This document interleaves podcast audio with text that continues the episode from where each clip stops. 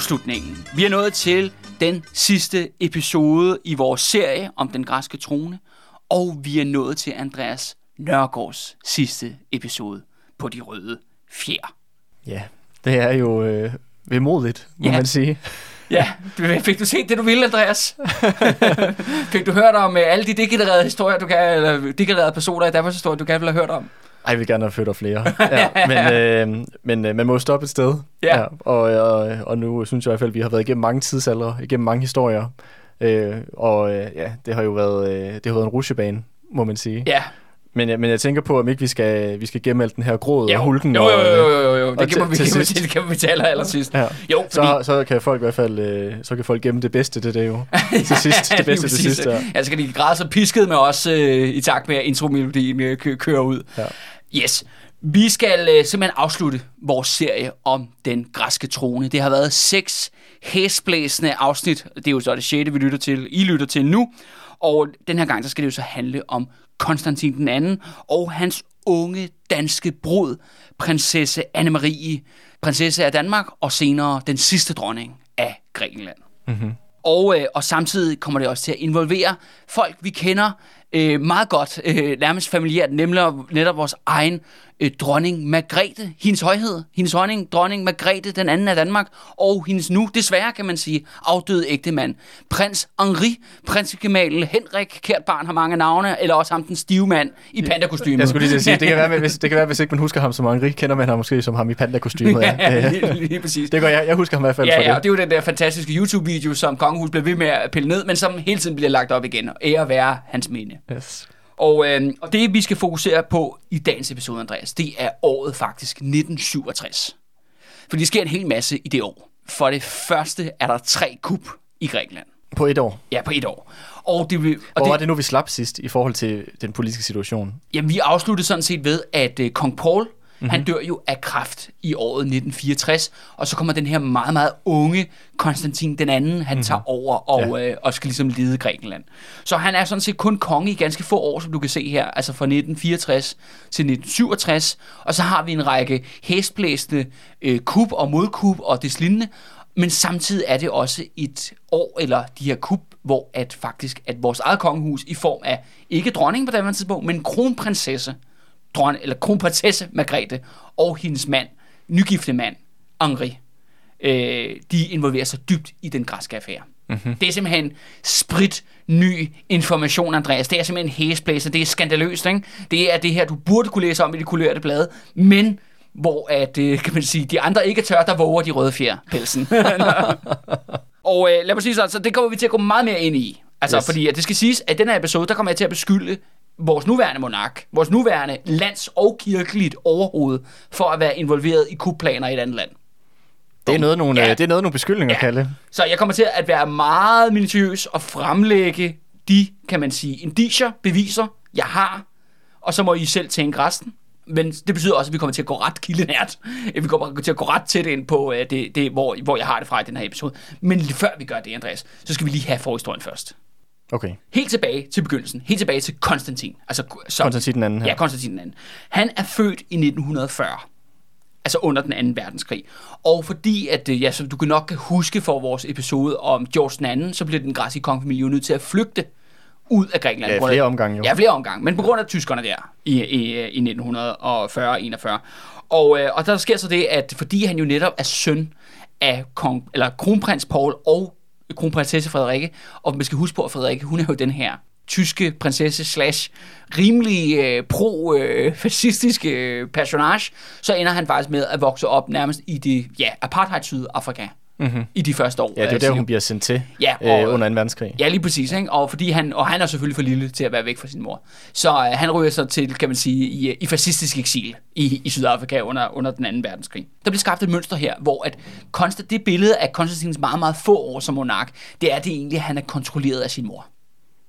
Det er altså dronning Frederikke, som hun senere... Altså, hun spiller en stor rolle i hans Ja, tilvækst. s- først opvækst. som, ja, det er jo hende, kidnapperdronningen, ikke? Det er jo Ja. hende, der kidnappede de her 25.000 øh, græske børn under den græske borgerkrig. Kan man sige, er der rimelig sådan, vil jeg sige, bred konsensus om, har en, øh, en, en sådan stor politisk kontrol, både over den græske regering, men også i form af sin søn. Okay. Efter kan man sige, at øh, først havde hun kontrollen over ja, kong Paul, Han dør så, og så, hun så fortsætter hun sådan set med at have kontrol, bare nu som engedronning, over den nye konge, Konstantin den anden.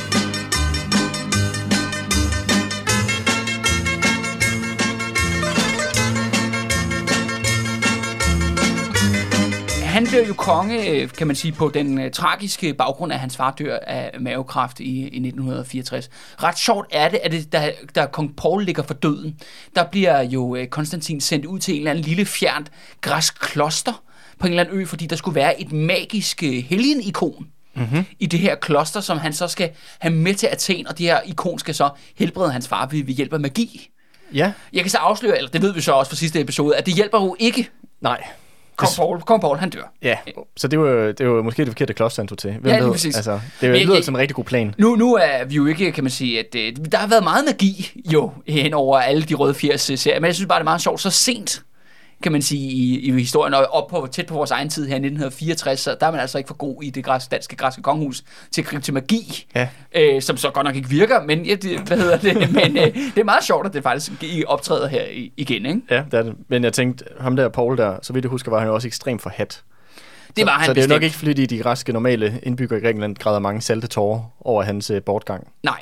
Men det man skal huske på jo, at, at kongehuset her ved kong Pauls død er vanvittigt upopulært. Men det er jo især dronningen, altså Frederikke der, som får rigtig meget negativ presse. Vi skal også huske på alle de her demonstrationer, der er rettet mod hendes person rundt omkring i udlandske hovedsteder. Kan man mm. sige, året før i 1963, der er jo der, hvor hun bliver overfaldet af en demonstrant Ja, i London. i London, ikke? som vi talte om i sidste episode.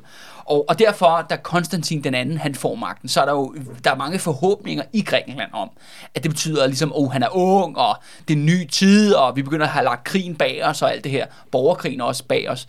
Øh, og forhåbentlig kan det blive nye demokratiske vinde. Men et, alle de her håb, der kan være til den her nye unge monark, det bliver ret hurtigt slået ned. Fordi da han går ud og ligesom bliver kronet, der, øh, der går han jo ud og siger, at I skal, jeg vil ikke kaldes øh, Konstantin den anden, jeg vil kaldes Konstantin den 13. Den 13. Den 13. ja. Og det er fordi... Så sådan, han griber sådan helt tilbage Ja. til sådan byzant, det, det byzantinske ja, rige, eller lige hvad? præcis, Okay. lige præcis. Ja. Så han, øh, altså, øh, og det er jo så det sjove, er, at hans farfar, som var jo Konstantin den første, ja. han gik ud, ikke ud og klemede, at han var Konstantin den 12. Nej, og det, og det skal jo lige siges, at der har været mange af de der, jeg ved ikke hvad, kejser i det østromerske rige, som jo også bliver kaldt det byzantinske rige, som Ja. ja. lige præcis hed Konstantin. Den mest berømte er nok Konstantin den Store, Ja. som jo grundlagde, eller i hvert fald øh, gjorde, at... Ja, han var ikke selv kristen, men han Nej, gjorde nej. de andre kristne. Ja, Ikke? men, men også, det er også ham, der gjorde, der, så vidt jeg husker, så er det jo også, øh, det var ham som, øh, hvad hedder det nu, Istanbul, den by, som i dag hedder Istanbul, hed før i tiden Konstantinopel. Ja, så efter jeg- ham. Efter Ja. ja. ham, ja. Så han havde jo haft sat et kæmpe præg på det østromerske rige, som jo så gik under senere hen, jo, kan man sige. Men, men på den måde, så er det jo en, det er jo en det er jo sådan en storheds, hvad kan man sige, det er jo sådan en uh, Greater Greece-agtig, Ja, ja, ja, ja, ja. øh, hvad kan man sige, idé, han ligesom, øh, den der svundne fortid som en stormagt i det østlige Middelhav, det er jo det, han griber tilbage til, når han så øh, prøver at associere sig med alle den her øh, gamle, og det skal sige væk med totallet, ikke? Ind med nummer 13, ikke? Altså ja. Nu kan man sige, 13 er jo så også ulykkestallet, øh, kan man sige. Det er oplagt for dagens historie. Men det viser i hvert fald alle, der har en forventning om noget nyt, nye tider, mere demokrati, det bliver i hvert fald slået hårdt ned, når man siger, nej, nej, nej, nej, det er der ikke noget af. Det er tilbage til Til, til, til, til, til 300, 300 øh, et eller andet. Ja. Ja, ja, ja, lige præcis. Ikke? Han sender jo det modsatte signal, ja. Ved at, ligesom, at, at gå op i, at han skal hedde Konstantin den 13. Mm. Men det sjove er jo så, at selvom han tager den her titel Konstantin den 13, så bliver han ikke kendt i verdenspressen som Konstantin den anden, fordi det tror jeg måske folk er lidt svært ved at tage seriøst ja. I 1964. Trods alt er der, der er trods alt sket lidt, Ja. øh, når vi når ind til 1960'erne, ikke? Yes. Det- man kan sige, at det byzantinske rige har ikke, har jo også, det gik jo også under der i 1400 et eller andet. Altså, ja, ja, ja, 1453, ja, ikke? Ja, så det, er jo et par dage siden. Ja, så det, det, det er også sådan lidt øh, med sådan 400-500 års forsinkelse, han prøver at genopleve det der projekt, så Ja, jo, jo, jo, jo. der er også øh, løbet lidt vand under broen. Men det, en anden ting er jo også, en ting er, en ting er, at han sender sådan et klart signal om, at det, ikke, der kommer ikke til at være nyt vand under broen her. Ikke? Alt er ved det gamle. Det, tværtimod bliver det måske værre, fordi at faktisk at kong Pauls død betyder faktisk også, at Frederikke begynder også at, kan man sige, agere lidt mere ude i det åbne. Og det er helt konkret, at gamle venner, hun har, Altså både øh, tyskere med en nazi-fortid, men også øh, grækere, som har en fortid, altså som, øh, hvad hedder det, nazikollaboratører fra 2. verdenskrig, og selvfølgelig bødler og folk, der står bag massakre under den græske borgerkrig, de begynder at hænge ud med hende ret åbenlyst i offentligheden. Okay. Altså hun, hun skjuler, hun stopper sådan set med at skjule, hvem sine venner er, Mm, kan man kreds, sige. Ja, ja, ja, hvem hun hænger ud med, ikke? Og det kan Ja. man jo drage paralleller til. Altså, det er jo også fint, at kronprinsen i dag, han står ved alle sine øh, adelsvenner fra Herlufsholm og sådan noget, ikke? Altså, det er jo ganske fint, så man kan se, hvad for et rogues gallery, hvad for nogle mennesker, der er ligesom omkring øh, monarken, ikke? Og det er jo sådan set, Frederikke har åbenbart, fordi der var så meget negativ omtale i hende, og åbenbart, jeg tror, at kong Paul eller der kan noget i hvert fald, der kan pege på, at kong Paul og andre rådgiver sagt, ej, kan du ikke lige gemme de der gamle nazister væk? Men nu, hvor han er død, så kommer de altså utrædet ud i offentligheden. Okay. Og det er jo med til at endnu mere understrege øh, kongehuset, institutionens karakter, ikke? hvor mm. i hvert fald den ligger politisk. Altså det er jo der er en vink med, en vink med en vognstang. Mm.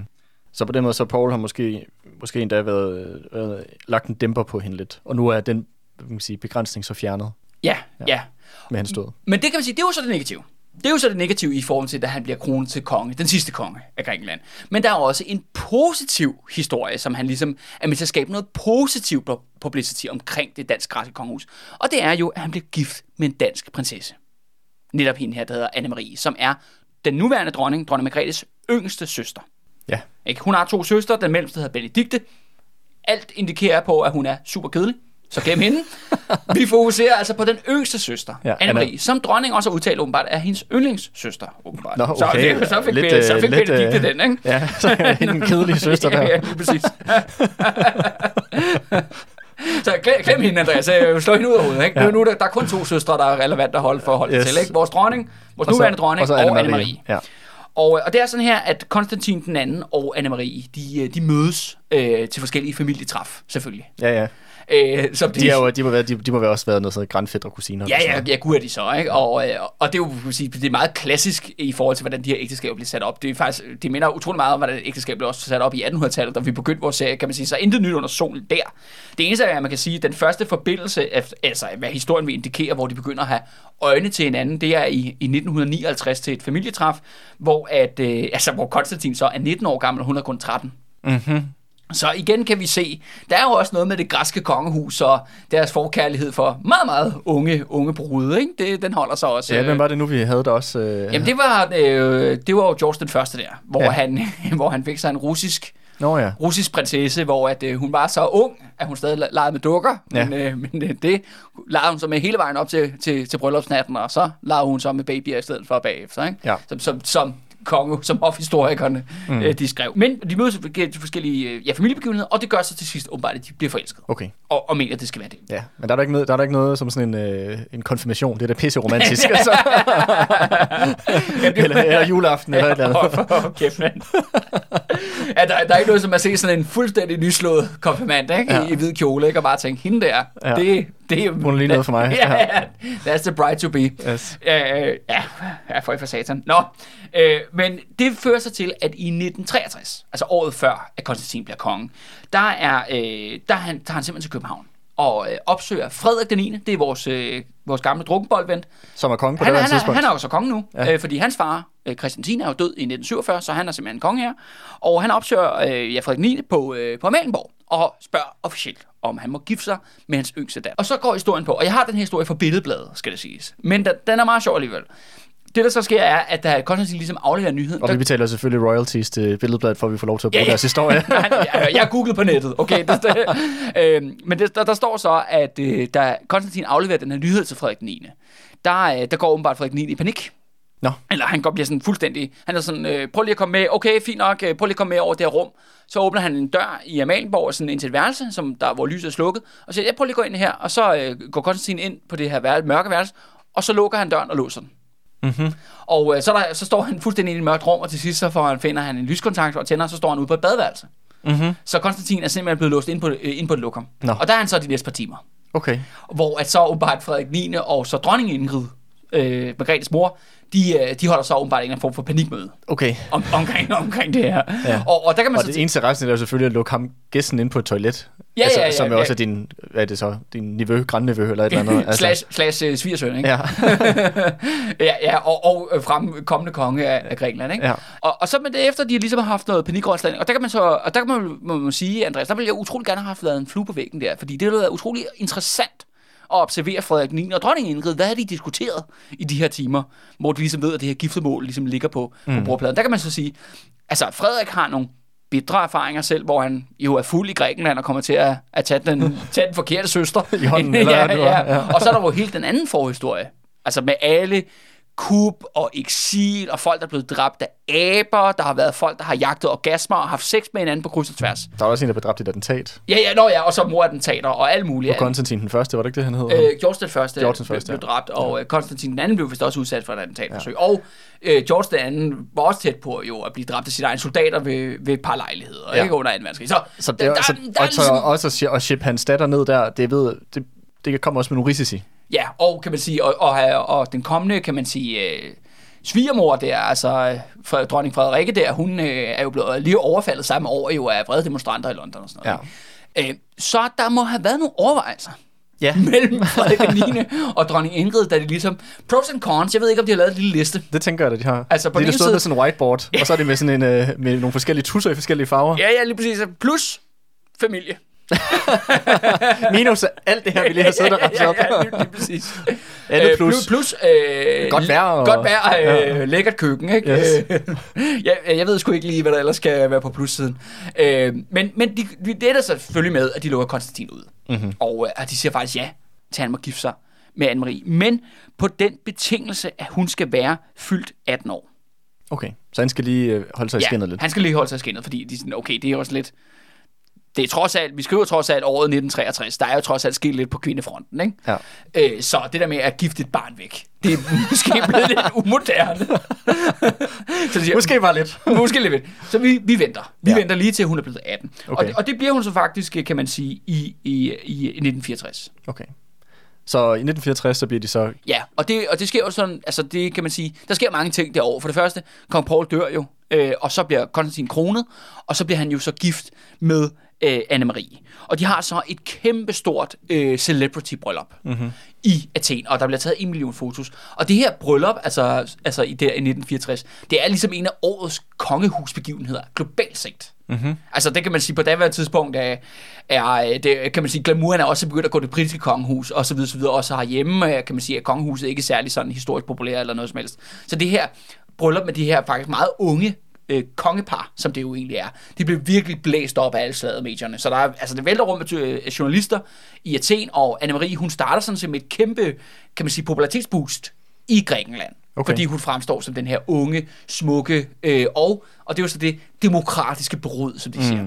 At der bliver så lidt sat en fight op i Grækenland mellem den her øh, fascistiske enkedronning, altså Frederikke, og så den her demokratiske, nu skal du se min air quotes, og alle lytter skal også lige se min air quotes, og den her demokratiske dronning for Danmark. Ja, Anne-Marie. Ja, og det er faktisk, og det fører også til, det her ægteskab fører også til, at der kommer et kæmpe boost i turismeindustrien. Når du, ser, når du laver de der øh, i forhold til demokratiske, Ja, hvad, til- hvad, hvad, hvad refererer du til? Eller refererer du til noget? Ja, de, de, de, ja, ja, jeg refererer til, at de, de, pressen, billedbladet, det danske kongehus, det græske kongehus, everybody, øh, ligesom portrætterer Anne-Marie som en demokratisk som dronning. sådan en oppo- opposition ja, til det som, gamle. som det modsatte ja. Af den fascistiske, diktatoriske du- ikke- ikke dronning Frederikke. Mm. Forstår man? Som om der er en dronning af fight mm. i gang i Grækenland. Ja, men den er måske mere opfundet end reelt. Fuldstændig, fordi der er ikke noget, der indikerer, at Anne-Marie er, er ledende på nogen som helst måde. Nej. Altså, hun er også meget ung. Altså for det første. Ja, og hun, bliver gravid, og de, hun begynder bare at føde børn med det samme. Ja. Altså, så hun har også ligesom andre ting at dele med. Mm. Der er ikke noget i det, jeg kan læse, og heller ikke, hvad- når vi kommer ned i, hvad dronningen har at berette. Altså den nuværende danske Ja, dronning. den danske dronning har at berette om det her, som indikerer, at, at, øh, at Anne-Marie er nogen spiller. Nej. På, noget, på daværende tidspunkt på nogen som helst Ja, måde. så det er ikke, fordi hun, Og- hun påvirker den politiske Nej, og- atmosfære i Grækenland. Nej, nej, nej. Og, og jeg vil bare sådan, jamen altså, øh, jeg skulle til sige, næsten barnbrud til Grækenland. Altså, hun er måske lovlig undskyldt, eller hvad man siger, ikke? Altså, øh, men det er bare meget sjovt, det der med, at hun bliver portrætteret. Altså, der bliver ligesom blæst en kampagne op omkring hendes person, mm. som ikke har meget med realiteterne at gøre. Men ret sjovt er det, at for, fordi hun bliver dronning af Grækenland... Måske lidt ligesom også med Diane i Storbritannien, som også bliver præsenteret mere som sådan en folkelig prinsesse, på trods af, at hun Ja. også kommer på sådan en aristokratisk adelig familie. Ja, lige præcis. Nå, hva, hva, ja, ganske udmærket parallel. øh, bortset fra, kan man så sige, at Anne-Marie blev så ikke myrdet. Hun lever jo så stadigvæk jo, Ja. i, i bedste velgående. Eller i hvert fald her på sin, øh, sin ældre dage i hvert fald. Men det er meget, hvad jeg kan læse mig frem til, så er det jo det der med, at der bliver sat den her fight op, og, øh, og, men det fører også til et boost i turismeindustrien i Grækenland, hvor at ekstra mange danskere tager der ved jo. Fordi nu er vi jo ligesom om, at vi er gået, vi er gået fuld cirkel, ikke? Vi er familie igen. Ja, vi er familie igen. Ikke? Altså den her dansk-græske connection er nu gået fuld cirkel igen, ved at øh, først så sendte vi jo en, en prins derned, og nu sætter vi så en prinsesse derned. Mm-hmm. som bliver dronning. Og det vil sige, at rigtig mange danskere, de vælter ind på de græske badestrande. Og så fortælles der jo også det der med, at, at øh, og det, altså, jeg har det sådan lidt, det må næsten være for en turismebrochure, ikke? Eller sådan, øh, hvad hedder det, spis, øh, rejser, kom, øh, kom og fest, ikke? Altså, de snakker om, at når man går ind på de der klassiske strandbar nede på, i badeland, ikke? Altså, så kommer man ind, og så hænger der de her fotos af Konstantin Dan og Anne-Marie. Og så alle grækerne siger, oh, we love Denmark, ikke? bla bla bla, democratic princess, eller hvad de nu siger, ikke? Altså til, til de her danske... Ombudsmand. alle, de der, ja, ja, ja, alle de der ting. ja, lige præcis. Hvor de ligesom siger, uha, altså, så der er virkelig en, en, øh, en stor hype, mm. men det viser sig at være ultra kort vej, jo.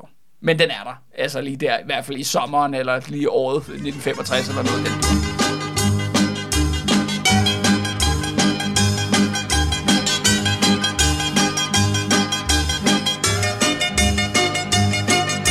Men, øh, men glæden, Andreas, den var jo ikke særlig længe. Og det er fordi, at øh, Konstantin den anden, han viser jo sig jo, at han minder utrolig meget om sine forfædre på alle mulige parametre. Altså, der er ikke noget nyt under solen. Han er bare endnu en run-of-the-mill af huset Glucksborg i Grækenland.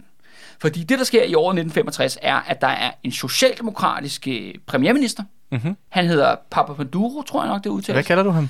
Øh, det staves sådan der. Det er, at han har en... Øh, Jeg kan da ikke læse, hvad din hånd skriver. Papa Panduro.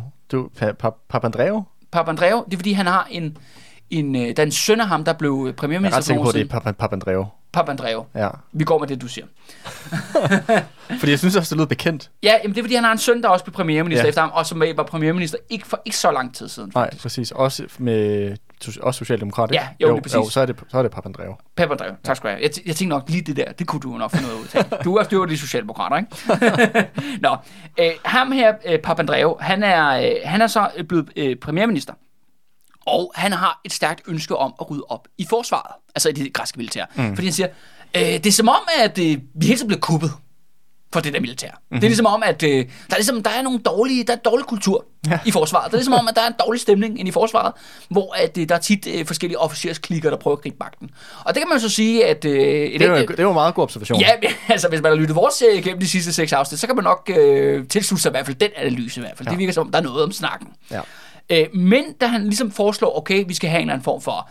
Han foreslår jo ikke at nedlægge militæret eller et eller andet radikalt. Nej, nej, nej. Han foreslår en eller anden form for øh, ledelsesskift af en eller anden slags. Mm, det ikke? er en send, send nogen på pension. Ja, lige ja, noget af den dur, ikke? Ja. Ja. En ny HR-afdeling, et eller andet ja. spændende, ikke? Ja. Nogle flere kurser. Så nogle af ikke? de, de mest brødne kar, de kan måske få lov til at få øh, En klækkelig pension. en og- klækkelig pension, hvis de så til gengæld bare... Øh, Ja, holder deres kæft og blander sig udenom, ikke? Ja. Det er jo måske det, man håber på. Men det kan Konstantin ikke acceptere. Nå, og han er vel stadig øverste chef for, Ja, øh, ja, for ja, ja, militæret. ja. Ligesom, ligesom herhjemme, ikke? Det er kongehuset, der er leder af, det, af militæret. Ja. Øh, han er så uenig, og det ender med faktisk, at øh, Papandreou der... Han, Papandreou. Papandreou, tak. Han... Øh, han Hvordan får du til jeg, ved, jeg, jeg, jeg, jeg, kan ikke, jeg kan ikke udtale det. Det er sådan en blanding af den der hobbybutik. Hvad er det ikke også sådan en Panduro? Er det ikke sådan en hobbybutik, hvor man køber sådan nogle grej? Jo, jo, jo, Jo. jo. Jamen, jeg kan jo bare ikke øh, skille de to ting. Altså, Socialdemokratiet, Socialdemokratiet øh, udenlandske socialdemokrater og hobbybutikker, det er stort set det samme i, i min verden. Øhm, nå, men han, han går simpelthen af, på grund af, at der er den her hårdklude med, med Konstantin. Og, efter, og der kan man så sige, der kan man faktisk godt tale om det første kup. For det, der sker, er, at Konstantin, han udnævner bare øh, tre premierminister i rap, uden at udskrive valg. Nå, så det er hans regering, og han bare Ja, installerer lige mere præcis. Og det kan man sige, der er jo ikke fordi, der er nogen... Altså, det er jo ikke fordi, militæret rykker ud i Athens gade eller noget som helst. Men det er jo de facto en eller anden form for kup. Altså, Altså, det er han, sådan en form for konstitutionelt kup af en eller anden art, altså hvor det sker inden for sådan institutionerne etableret, uden at du har ja, militæret, der kommer. Ja, ja, undskyldning er selvfølgelig, fordi valgperioden ikke er afsluttet. Ja. Øh, og så ud, udpeger han bare øh, tre efterfølgende. Og de, er jo- det er jo klart de her premierminister, som er ligegyldige, og derfor jeg ikke gider at nævne deres navn, og jeg kan ikke finde ud af at udtale deres navn. Øh, de bliver ikke nævnt, fordi at de er jo totalt ligegyldige. De holder øh, et par måneder hver, mm. og så er de ude igen. Fordi det er selvfølgelig en fuldstændig uholdbar politisk situation, øh, Konstantin har kastet landet ud i, fordi ja. han ikke kan acceptere, at den, social, den folkevalgte socialdemokratiske statsminister øh, har et ønske om at skille sig af med de værste, værste folk i mm. det græske militær. Men hvad sagde du så? Det vil sige, Papandreou, han prøver ligesom at udskifte de her mest brødne kar op i toppen af militæret. Konstantin, han intervenerer politisk, og hvad, uden afsætter han Papandreou-regeringen? Ja, altså han, han går selv. Og så skulle man jo... Men han, hvorfor går han? jamen, fordi han ikke kan komme igennem med sit reformforslag. Okay, så han, han blokerer det på en eller anden måde, Ja, ja lige, lige, lige præcis. Ja. Og Konstantin vil så ikke acceptere det, og ligesom acceptere, at, fordi han siger, okay, lad os få et nyt valg, ikke? Ja. Fordi han tror, at han på den her sag, så kan han jo få Så endnu flere mandater. ud, Ja, ja. jeg kommer styrke ud. Men Konstantin nægter ham det, Så han, han annoncerer, han udpeger Ja, en ny og så regering. begynder han bare at udpege sin egen øh, regering. statsminister. Ja. Og det kan du selv, det kan du selv se. Det, altså, man skal jo ikke være superdemokrat for at regne ud, at det er problematisk, vel? Altså, det, der, der er nogle problematikker omkring det. Ikke? Yes. Og, og det gør så her, at når vi øh, øh, når ind til året øh, ja, 1966, der begynder så øh, øh, Konstantin så højst sandsynligt, og alt indikerer, at han planlægger simpelthen sit eget kup. Altså simpelthen, med, han samler sine støtter i militæret mm. og det lignende. Måske nogle af dem, som Papandreou gerne ville skille sig af med. Ja, hvem, det hvem, var- hvem ved? Hvem, hvem, hvem, ved? Øhm, Jeg tænker da, jeg ville da, jeg tænker da, at hvis, hvis, øh, hvis man kunne godt mærke, at der var nogen, der var ude efter at, at skille sig af med en, i for, så kunne man da godt fristes til at være sådan, måske skulle vi sørge for, at det ikke skete. Og der, og der kan du så se jo, han, jo, han gør jo det, som alle hans forfædre, hele hans familie, har gjort fra dag et, mm. altså i, i, den, i den dansk-græske historie her. Det er jo netop at, at lave, det, lave et kup, og så ja, styrke, kan man sige, kongehusets magt over landet fremadrettet. Ikke? Det tænker han, at det kan han sagtens slippe afsted med. Men det grinerne er, at alle dem, der ligesom støtter ham i topmilitæret, det er jo så generalerne. Men de bliver overhalet indenom, eller, eller rettere højere om, af obersterne i det græske militær. Nå, Og det fører så til den her junta, som bliver kendt som Oberst Juntaen. Og de gennemfører så faktisk deres eget kup den 21. april 1967. Og hvor at faktisk at paladset, altså det der kongepalads, der ligger lige ude for Athen, de bliver faktisk omringet af tanks. okay. Og så har de simpelthen øh, taget, taget magten. Hvad er det for et øh, politisk program, de har taget magten på? Jamen, det, det grinerne er jo, at i starten... Som et, godsøjne, et forsvar for at modarbejde det andet kup, forhindre det i at ske? Eller hvad, eller hvad er, er de, synes de Papandreou er nice, eller står de for noget helt tredje? Nej, nej, nej, ja, nej, men de er, altså, de er meget mere på linje med, hvad han hedder, øh, Metaxas der. Okay, Og, og George den andens program. Altså, decideret fascisme. nå, okay. Det er, s- det er der, de ligger sig op af. Men altså, Taxas, var han ikke den der sådan lidt øh, republikansk-agtige sindede... Øh... de, nej, men Metaxas var jo diktator sammen med George Nå, den ja, anden det er øh, i mellemkrigstiden. Ja, jeg tænker på ham der Ventilelos. Ja, Ventilelos. Ja, Ja, så, ja. så, er du endnu, så er du endnu Ja, ja, tidligere. ja, sorry, ja, ja, ja, Han Okay. lavede også masser af kup, så Ja. det kunne være, det er forvirrende nok Der med er alle de kup. fucking ja. Så er vi tilbage til, øh, til den her øh, mørke periode under øh, Paul Ja. og, og ham der med Taxas, der er fuldt i sky- kølvandet på en og, verdenskrig. og der, der, altså, som min analyse af det, er fordi, at Konstantin den anden, han er allieret sig med den her generalstab, og kan man sige, øh, måske også, kan man sige, en lidt totalt verdensfjern top af det græsk, øh, græske samfund. Altså, men det, men det sjove er, og det er Da jo han det, re- kan regere på samme måde, som du gjorde for et halvt århundrede siden. Ja, det virker som I et om- helt andet samfund nu. Og hvor at de her oberster, de, de kigger meget mere, de kigger jo til det fascistiske Spanien, de kigger til det fascistiske Portugal, altså den her slags øh, lande, som jo også findes i Middelhavsregionen. Øh, regionen. mm. Og så det er den model, vi skal have ned med,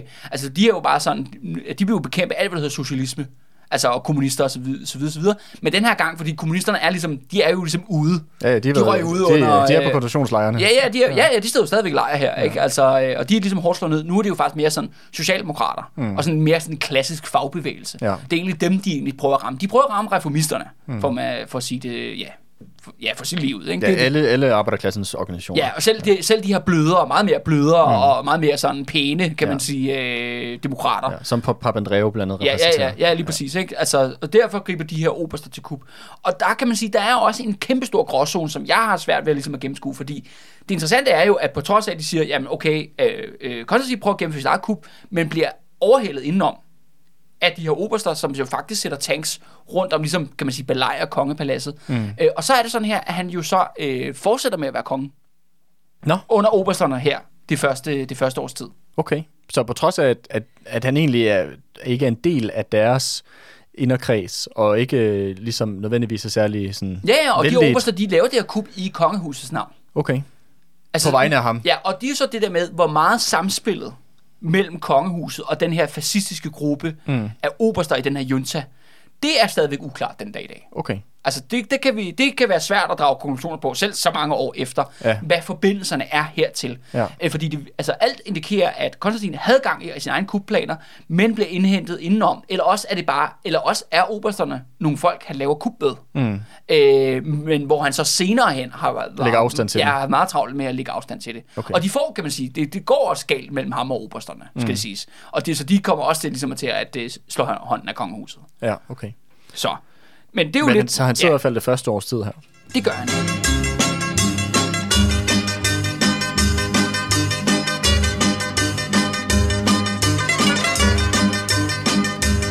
Også en ubehagelig situation, at endnu et kub i Grækenland, kongehuset, eller kongepladser er om, omringet af, af tanks, hvor ja. den unge øh, danske dronning, Anne-Marie, og, og dyb sidder- reaktion, og øh, arbejdervægelsen smadret. Og, Øh, ja, fuldstændig. Ja. Men der er gang i badestranden, ikke? Der, er- der, man kan få sig en margarita, ikke? Altså, så der er ingen problemer der. Men det er simpelthen her, Andreas, at dronning Margrethe og Henri, de kommer på banen. Og det, nu skal vi præsentere, hvor at jeg har det fra. Eller hvor jeg kommer til at læse op, at læse op fra. Fordi det her, øh, jeg har det fra, det er fra dronningens erindringer, som hedder Undervejs. Erindringer 1940-1972. Hvor dronningen, som der står på forsiden, der står, dronning Margrethe fortæller til Tom Buk Svinci. Jeg kan måske lige sige, at foran mig på bordet Ja, hvad- sidder, hvad sidder, på? sidder Kalle med et lidt af vredt udtryk i ansigtet og peger på en stor bog. Meget anklagende peger ja. han på. på en, en stor bog med et billede af en øh, ond dronning med... Uh, ikke en ond, en ung... Ja, en, men han spiller gør under hende, hvad hun er. Hun, hun er ung. Ja. en ung dronning Margrethe. Øh, men hvilket år, før vi lige begynder at dykke ned i bogen, hvilket år er vi nu her i, hvor, hvor dronningen og øh, Henri, at de kommer på besøg i Grækenland? Jamen, de er i 1967. Det er 1967, okay. Ja, yes. Det, eller, først om, om den her bog her, fordi at, øh, for det første, Tom Buk-Swienty, øh, ja, vi snakkede om det, inden vi tændte mikrofoner. Du har aldrig hørt hans navn før, men jeg er ret sikker på, at der er masser af lyttere, der kender ham. Han er jo en bestsellerforfatter, øh, historiker, journalist, som har skrevet en række bøger. Han er nok mest kendt for de her bøger, han har skrevet om... Øh, hvad hedder det, 1864. Altså krigen i 1864. Og øh, jeg har også læst hans bøger. Jeg synes, han er en skidegod øh, formidler. Men det her magtværk, som den her erindringsbog er, det er altså under al kritik. Fordi han, øh, Tom Buk-Swienty, har brudt den første og den gyldne regel for historikere. Han har smidt alt, hvad der hedder kildekritik, ud af vinduet. Man har fornemmelsen af, at dronning Margrethe har hånden oppe i røven på ham, og så han danser meat puppet hen over siderne. Eller han er blevet forfremmet, eller blevet en del af det her, hvad hedder det, inderkredsen i det danske kongehus, eller så videre, så videre. Man skal huske, der er en særlig plads i helvede til, til historikere, som arbejder for ukritisk for det kongehus. Og det er det, Tom Buk-Swienty her, på trods af hans, øh, hans kompetencer som formidler, øh, har, har, har ageret med den her bog her. Okay, så jeg kan høre, at den her bog får ikke mange stjerner i din bog. Nej, det gør det sgu ikke. Men til gengæld kommer der en række interessante oplysninger ud fra dronningen herself okay. i den her bog.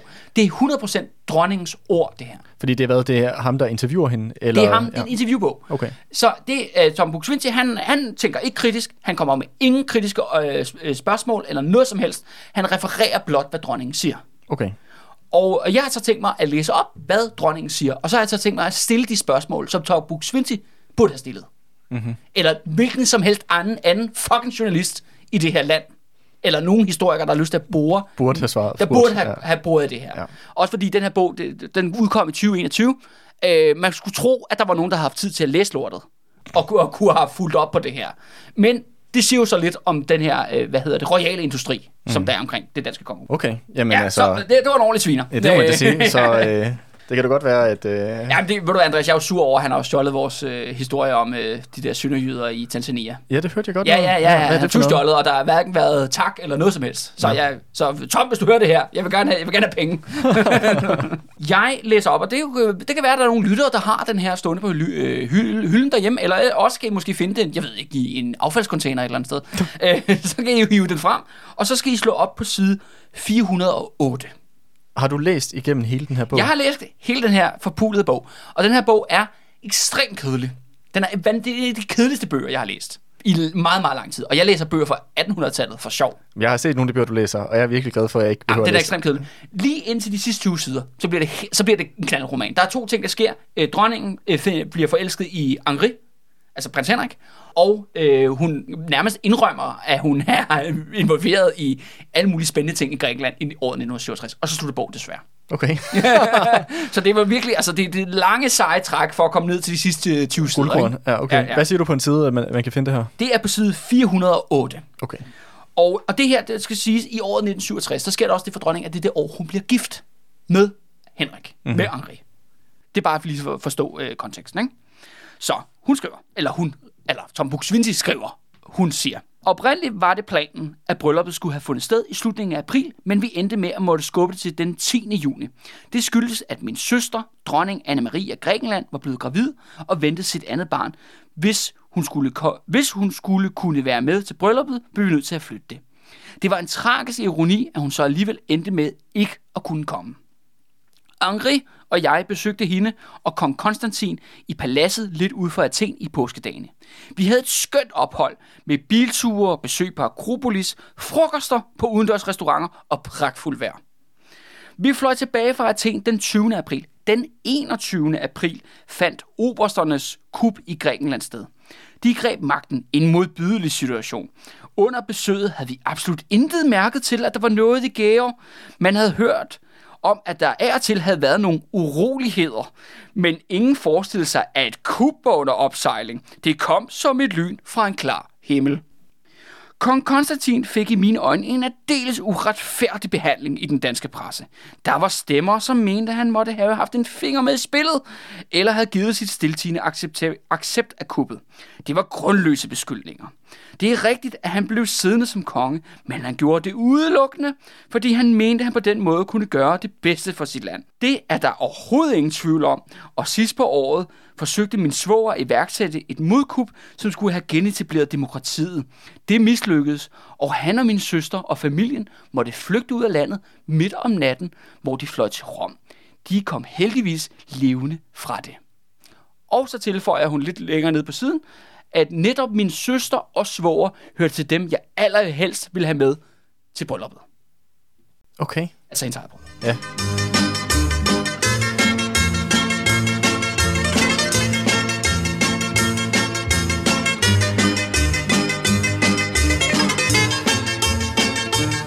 Var lige nogle informationer her. Ja. Nu, øh, nu går vi lige ned i det, dronningen siger. Og du skal bare feel free, Andreas, hvis du også har nogle pointer. Men jeg bider for, for det første mærke i øh, nogle uroligheder. Den der måde, dronningen forholder sig til den politiske situation i Grækenland i 1967, det virker jo som om, hun fuldstændig har mistet sutten. Altså. Skal vi lige prøve at skitsere, hvad er det, der sker i årene her omkring, som hun refererer til som uroligheder? Ja, hun taler jo om de her kup. Altså, vi taler, først så taler hun jo så om, at, øh, at premierministeren går af i Grækenland Ja, nogle år. Ja, Papandreou. Han går af nogle år før, og Konstantin så kører et royalistisk diktatur, hvor han udpeger sin egen premierminister, frem til, at de her oberster så griber magten hmm. den 21. april øh, 1967. Og det interessante er jo, at hende og Henrik er der jo dagen før. Ja, dagen, dagen inden Dagen kup. inden det her kup. Ja. Det er bare en interessant oplysning. Det er i hvert fald lidt øh, sjov samstraf. Det må man Det sige. er jo ikke, fordi jeg tror, at det er dronningen, der har lavet et kup. Altså, Nej. det, men, men alligevel, altså... Men, du, kan- men, ja, det, det, er, det, det er meget heldigt, belejligt, at de, får, at de forlader landet. men der kommer, der, jeg vil sige, der kommer meget mere lige om lidt. Okay. Øh, men det er bare for ligesom at sige, at allerede fra starten her, er de allerede involveret. Altså, det, og det er ikke på, per distance. Altså, mm. det er ikke per telefon eller telegram, eller hvad man nu bruger i, i øh, 1967. Nej, nej, nej, de er der sådan set fysisk. Ja, til stede. Og dronningen jo selv siger, at det er yndlingsvågen. Mm. Og det er yndlingssøsteren. Så fuck Benedikte, ikke? Og hvem, hun, hvem hvem hun er gift med. Ja, ja. Altså, så, så det får man, det stykke information får man også, ja. ikke? Hvis det er, at jeg så, står hende så nært, så må hun da også have haft noget kendskab til, hvad hendes svor har rendt rundt og lavet. Blandt andet udpeget de der ikke valgte premierministre. Og, altså, det er jo ikke fordi, at det virker jo meget naivt, den måde, hun skildrer forløbet på, hvis hun... Eller også meget kalkuleret. Ja. Eller i hvert fald Ja, den, ja. den beskrivelse, hun leverer til os her. Ja, ikke? ja, præcis. I forhold til, at hvis det der virkelig er hendes... Hvis hun er så tætte med dem, som, som hun selv giver indtryk af i hvert fald Ja. i teksten. Ja. Og, og lige for lige at give noget mere, øh, kan man sige, information, fordi at øh, det, der sker, er, at Konstantin, han blev så ved med at, at samarbejde øh, med det, den her Oberstjulta frem til den 14. december 1967. Altså det, samme, det, er, det er alt sammen foregår det samme år her, ikke? Mm. hvor han så gennemfører endnu et, et kup. Okay, så nu er det Konstantin, der laver et kup. Ja, men der er lige en, en vigtig, kan man sige, forhistorie i, om sommeren 1967. Den 20. april mm. 1967, Der forlader der forlader dronning og Henri Henrik efter at have været øh, på besøg Ja. i Athen, i Grækenland. Ja. Den 21. april 1967 gennemfører de her oberster det her kup. Mm-hmm. Så den 10. juni 1967, der bliver Margrethe... samme år, samme år. Samme år Ja. Der bliver Margrethe og prins Henrik gift i Danmark. Ja. Og så tager de så på ferie. Ja. Oprindeligt skulle det være i Grækenland, men de ender i Tyrkiet. Og nu skal vi lige have endnu en oplæsning fra ja. dronningens erindringer her. Ja. Hvor at, øh, hun så selv præsenterer, hvad de laver på den her ferie. Altså på hendes bryllupsrejse. Til Tyrkiet. Og nu læser jeg op, det er jo så især, igen samme bog, det er så bare på side øh, 412. Mm-hmm. 412 og 413. Øh, For forhistorien, de har haft et stort bryllup. I Fredensborg, øh, der har været masser af, jeg skulle sige diller men der har været masser, der har været masser, der har været masser af festligheder, ikke? Øh, med pressekorps og det slut. Som dronningen ville have sagt, der var masser af diller ja, ja, der, var, der var masser af festivitas, ikke? Øh, der har været gang i den. Og så kommer de så ud og sejle med skibet Dannebro, som de jo stadigvæk har. Ja, ja. Præcis, ikke? Så vi sejlede Sjælland rundt med Dannebro og havde nogle netter ombord. Da vi returnerede, lagde skibet sig på den svenske side af Ven og lå i skjul for den danske kyst. Henri og jeg blev samlet op af en motorbåd, som sejler os ind til Holmen, og der steg vi over i en bil uden kongelige nummerplader. Blev kørt til lufthavnen, hvor vi gik direkte ombord på et fly til London. Det var dengang, der endnu ikke var al den sikkerhed. Oprindeligt var det planen, at vi skulle på bryllupsrejse til Grækenland, men det var selvfølgelig udelukket. I stedet havde vi besluttet at tage til det tyrkiske middelhavskyst ved det Ægæiske hav. Allerede dengang kunne man flyve direkte til Izmir fra København. Men vi tog over London. Når vi tog over London, var det for at gøre det vanskeligere for pressen at spore os. Vi ønskede at undgå pressen, så vidt det overhovedet var muligt. Det ville måske lykkes journalister at finde ud af, at vi var fløjet til London, men herfra kunne man jo flyve videre til resten af verden. Og det mest naturlige var jo så, at vi fløj et sted hen, hvorfra man kunne flyve direkte fra København. Det var en snedig plan, og det var Ebbe Munk, som var blevet hofchef, der stod bag den og forsvindingsnummeret. Vi overnattede i huset på Chapel Street, de havde et hus i, i London, øh, hvorefter vi tidligt den næste morgen tog til Heathrow Lufthavn og fløj til Izmir. Selvom det allerede dengang var en stor lufthavn, var det ikke så uoverskueligt som i dag, og der var heller ikke så mange formaliteter eller meget sikkerhed. Sjovt, det er så anden gang, at sikkerhed bliver nævnt. Vi vidste sådan set bare vores pas og kigge ombord. Da vi ankom, blev vi hentet af en bil og kørt til et lille hotel i den smukt beliggende kystby Kosadasi, tror jeg det udtales. Efter nogle dage, der hvor vi kørte omkring i en lejet bil med Henri ved rettet, havde pressen alligevel fundet os. Vi gik med til ganske hurtigt at lade os fotografere stående foran hotellet eller med en palme i baggrunden. Til gengæld for at journalisterne herefter lod os være i fred. Det gjorde de. På resten af rejsen blev vi ikke forfulgt og kunne bare være os selv. Vi var afsted i fem uger og var bortset fra den korte møde med pressen fuldstændig inkognito. Ingen lagde mærke til os. Vi lånte en stor motorbåd med en tomandsbesætning af nogle af Angris ældre bekendte i Izmir.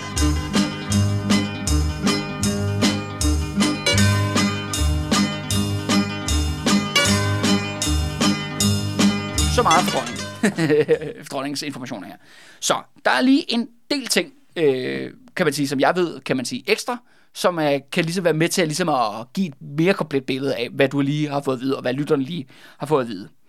Øh, for det første, Ebbe Munk, ham her hofchefen, Ja. som organiserer den her Flugt. hemmelige flugt, Ja. hemmelige afstikker til Tyrkiet, øh, læs Grækenland. Øh, han er en tidligere modstandsmand, Okay. og var kendt for at lave hemmelige operationer. Han er efterretningsmand, Ja. Og han står simpelthen for at arrangere den her rejse. Så Det allerede, også meget veltænkt. ja, så allerede her skal der et lille rødt flag, der skal begynde at gå op af, eller at blive hejst op på, på mesten. Ikke? Det andet er, den her lille bitte kystby, øh, Kosadasi, som ligger i Tyrkiet, det der er Tyrkiet i dag, øh, det er faktisk øh, ret sjovt, hvis man kigger på et kort. Det er den korteste, det er den korteste sejlrute til Athen. Nå. For den tyrkiske kyst, Okay. tilfældigvis. Mhm. Interessant. Stykke interessant information.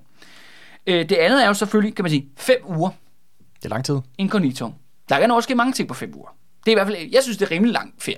I hvert fald. Jeg har aldrig været på fem ugers ferie, kan jeg Nej, sige. heller, heller ikke mig. og i hvert fald ikke det samme sted i en eller anden meget sådan anonym tyrkisk kystby. Nej. Og hvor hun jo også gør meget ud af, at åbenbart der er nogle journalister, der spotter dem, men de er ligesom hurtigt væk igen. Og så er de sådan set fuldstændig i fred, incognito, som hun siger. Mm. Der er ingen, der ved, hvad de laver. Mm. Det siger hun selv. En anden ting er så den her lidt sådan sjove information om Angris ældre bekendte. Og, og der, der er der brug for noget kontekst om, hvem er egentlig øh, prinskemalen? Altså, hvem er Henrik? Fordi han er altså gjort af en noget anden støbning, end dronning Margrethe er. Øh, for det første er han jo franskmand, som de fleste ved, men han er jo opvokset i fransk Indokina. Ja, så det der er i dag i Ja, Vietnam. det der, der er i Vietnam, hvor han blandt andet som, øh, jo, som teenager har været med til at kæmpe mod Viet Minh i 1950'erne, fordi han skulle forsvare familiens gummiplantage mod de kommunistiske oprør. Han fortsætter sådan set den her karriere, hvor han jo blandt andet deltager i det Frankrigs krig i Algeriet imellem 1959 og 1962, og øh, det åbenbart var så vildt, øh, han nægtede at tale om, hvad der øh, skete siden da. der er jo også øh, mange millioner algier, der er blevet dræbt. Ja, lige præcis. Og det er også det der med, at Så den det er her... da ubehageligt at snakke om. Ja, ja, og det er også den her stykke information. Nogle af Angris ældre bekendte i Izmir. Altså, det er jo bare, kan man sige, det er jo bare sådan lidt en henkastet bemærkning, men, mm. men, men, men, men når det er Angris bekendte, så bliver der sådan, um, spændende. hvad, hvad, hvad Han har i hvert fald haft et liv, der er øh, ulig mange andre danske royale i forhold til hans ja, opvækst med, Indoki, med, med Vietnam der, og så også med hans tid i militæret i, Ja. ja. og involvering med, med krigen i Algeriet. Så i hvert fald, vi kan nok sige, at øh, Henri, han kender nok nogle, øh, nogle folk med nogle andre skills, kunne man forestille sig, end de fleste måske, Ja. i, i kongefamilien. Øh, ude, ikke, øh, vi ved sådan set ikke, eller jeg ved ikke mere om de her bekendte. Det er bare meget sjovt. Ja, det kan også gang. være det gamle skolekammerater. Hvad- det kan også godt være, Ja, at det var folk, kan godt kunne lide at spise is med på ja. stranden. Men ikke? man kan i hvert fald sige, at øh, han kender i hvert fald en bred vifte af folk. Ja, det må man sige. Og, øh, og så bringer han så ned, og det kan man sige, det er jo så de her fem uger, hvor de befinder sig i en kystby i den kortest mulige afstand til ting. Og så kan man så sige, kuppet, det andet kup, der så kommer, altså Konstantins rigtige kup, det foregår så den 14. december 1967, og der er de selvfølgelig fløjet hjem, hjem igen til Danmark. Hvor- Hvornår er det, de, ved du, hvornår de flyver tilbage? Jamen, det har de så gjort jo i starten af juli, ikke? Ja. Hvis de, Så det- så det så- ja, de så- stikker af fra Danmark omkring den 10. juni. Ja. De befinder sig fem uger Mm. Så det er midten af juli, der er de tilbage. Ja, der, så er de så tilbage igen. Ja. Men det ret interessante er også, som, som dronningen så siger, som vi starter med, han gennemførte et demokratisk kup. Og sådan som kongehistorikerne sådan set portrætterer det andet kup i den 14. december 1967. Så alle kalder det af en eller anden årsag et demokratisk kup.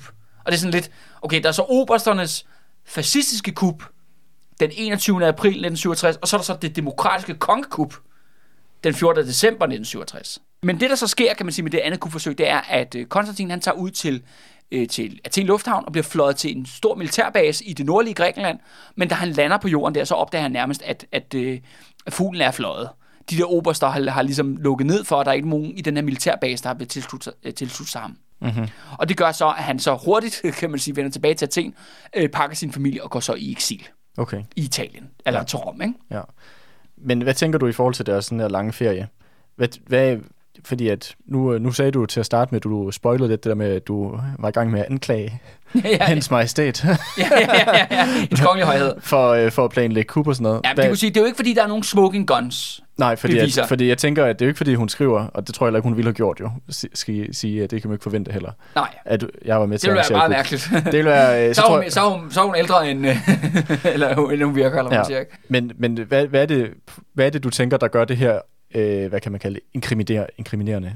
Jamen, der er både selvfølgelig, kan man sige, der er noget omkring øh, timing. Altså, der er noget med det der med, at hun jo så øh, forsvinder i fem uger ned omkring Grækenland. Det ville være mærkeligt, at hun ikke havde taget kontakt til sin elskede svoger og sin elskede lille søster i, den her, i de her fem uger. På tro, med den geografi, geografiske placering, det her hemmelighedskrammeri, hele den her operation, som det er, at de forsvinder på deres bryllupsrejse. En anden ting, som er også ret interessant, det er jo det her med det her andet kunne forsøge for Konstantin siden den 14. december, som jo så, som folk har, øh, som jo kan man sige... Ja, der går jo også et halvt år mellem, at de så er på bryllupsrejse til det her kup foregår. ja, Så det er også lang, det er jo, der, er jo, der er jo lidt tid mellem. Ja, det må man sige. Men der er jo noget med det her andet kub, hvor at de bliver, de bliver stemplet som dilettantisk. Som om, at det er sådan et, hvad hedder det, et skinkub. Som om det aldrig var, rigtig var seriøst. Øh, men- så bliver det også kaldt demokratisk kub, og det er jo sådan, hvornår kan et kub være demokratisk i det hele taget? Altså, et kub er jo et greb efter magten. Øh, Det virker i hvert fald om, som om, at hans ageren tidligere ikke ligefrem har emmet af sådan demokratiske, øh, hvad kan man kalde det, sådan, øh, respekt for demokratiske institutioner Nej, og sådan noget. nej, det er der jo ikke, ikke noget, der indikerer. Og det er jo så her, hvor man kunne så sige, at folk, der har adgang til dronningen, som Tom, Buk-Swienty eller nogle andre mere prominente journalister, end, end lige du og jeg her øh, inde i min lejlighed på Nørrebro. Øh, folk, der har lidt bedre connections, måske kunne, have- kunne have boret i eller gået ind i. Øh, det, jeg tror, der mit bud på det her, det er jo, at, at jeg tror, at Henri og dronningen har en finger med i det andet kupforsøg. Altså det er den 14. december 1967. Fordi at det jo bliver jo hele tiden portrætteret til, som om, at det er et kup, der skal genetablere demokratiet. Jeg tror ikke, det handler en skid om demokratiet. Jeg, handler, jeg tror, det handler om at bibevare det græske kongehus i Grækenland. Mm. Og jeg tror, de som familie og som monarker har haft en rolle, en interesse i at prøve at få Konstantin til at gennemføre det her andet kup. Okay. Det, fordi det handler jo om at redde institutionen, redde forbindelsen til Grækenland. Det er slidende, ikke? Også fordi, kan man sige, at det lige pludselig, at det er jo så det første kup i klubborgernes hele historie, inklusiv den danske og den græske, som er i demokratiske farver. Ja. De har begået masser af kup. Alle steder. Herhjemme, og i Grækenland. Men så har det altid været royalistisk kup. Lige pludselig er det demokratisk kup. Og det tror jeg måske, det er jo så her, hvor at, at man tænker, at øh, dronning og Henri, de prøver ligesom at ja, styrke institutionen. Ikke? Mm. Det kan man sige, det er jo ikke nogen endegyldige beviser for, det er jo, men det er de tanker, jeg har gjort mig. Efter man kigger på den her, den græske, danske, græske historie, og det dronningen selv leverer her mm. i sine rendringer. Ja. Okay. Jeg ved ikke, hvad du tænker om det, Andreas. Man må da sige, der er der nogle sammenfald med de her datoer og tidspunkter og sådan noget, hvor hun er dernede. Det vil kræve, at der er andre, der gravede nogle af de her ting, Ja. før man ville kunne få nogle klare svar i forhold til, at det her, det er jo, øh, fordi som du selv siger, det er jo ikke, fordi der er nogen smoking guns, Nej, eller nogle breve, der er blevet øh, opdaget, eller noget som helst. Men, øh, men det virker som om, der er noget mere her. Ikke? Ja, det, virker, det, virker da, altså, det virker som virker, om- det virker da suspekt. Ja, altså, det virker som om, der er en, en større historie her, Mm. øh, som, som ligesom har fortjent at blive afdækket. Ikke? Fordi at, det er jo trods alt, hun er godt nok ikke blevet dronning endnu, hun er sådan set teknisk set kun kronprinsesse. Men det virker jo som om, hun blander sig i et andet lands højpolitiske affære mm. i året 1967. Og det kan man sige, det gør hun jo nok på grund af familiære årsager, på grund af søsteren, den unge søster, men nok også højst sandsynligt, øh, fordi det handler om institutionen. Mm. Og hun kommer jo også fra en familie, som har, kan man sige, som blander sig i politik. Hendes bedstefar gjorde det på fuld smadret. Mm. Hendes far har spillet en mere low-key rolle, men det kan man så sige jo. Dronning Margrethe er jo ikke, øh, er jo ikke lige så drikfældig, som Frederik 9. var. Så hun er jo også af en anden politisk støbning. Mm. Og man kan så sige, hun er jo også som, hvis man jo sådan her, nu kan man godt måske sige på falderæbet af hendes, øh, hendes øh, dronningegærning her, siden 1972. Hun er jo meget keep it cool hele vejen, ikke? Ja. Altså kan man sige, der har ikke været mange bølgeskulp. Der har været lidt her til sidst. Men ikke, ikke, sgu ikke meget, når man Nej, nej. kigger hen over årene. Men der, der har vi ligesom en, en fli, kan man sige, at noget, der skete der i 1967, ikke? Mm. hvor at det, det virker som om, at hun er, er hun player high, high game of politics, ikke? Mm. altså i Grækenland. Ja, altså jeg, jeg deler din, øh, din, hvad skal man sige, din, din mistanke, men, øh, men, øh, men det er lige præcis, det er jo lige præcis de her ting, som ham der, jeg ved ikke, Ja, Tom Buk-Swienty skulle have spurgt hende om, jo. Ja, ja, fordi at vi har jo kun hendes eget meget øh, brudstykke af hendes Ja, og historier. gennemredigeret fra hans hånd, og det er jo så, ja. Der har selvfølgelig været en million sekretærer og øh, HR-medarbejdere og SoMe-folk, mm. og jeg ved fandme ikke hvad, spindokter og øh, des lignende, på den her udgivelse, før den overhovedet kunne komme ud i 2021. Præcis. Det siger sig selv. Ja. Øh, så det er jo kun, så det er kun den meget polerede version, vi kan få her. Ja. Men jeg tænker bare, altså det virker som om, at der er en dansk, dansk græsk connection her på falderevet til aller, aller sidst. Mm. Her, hvor det netop er det græske kongehus, netop er endegyldigt på vej ud mm. af, ja, jeg vil sige verdenshistorien, eller i hvert fald Grækenlands historie.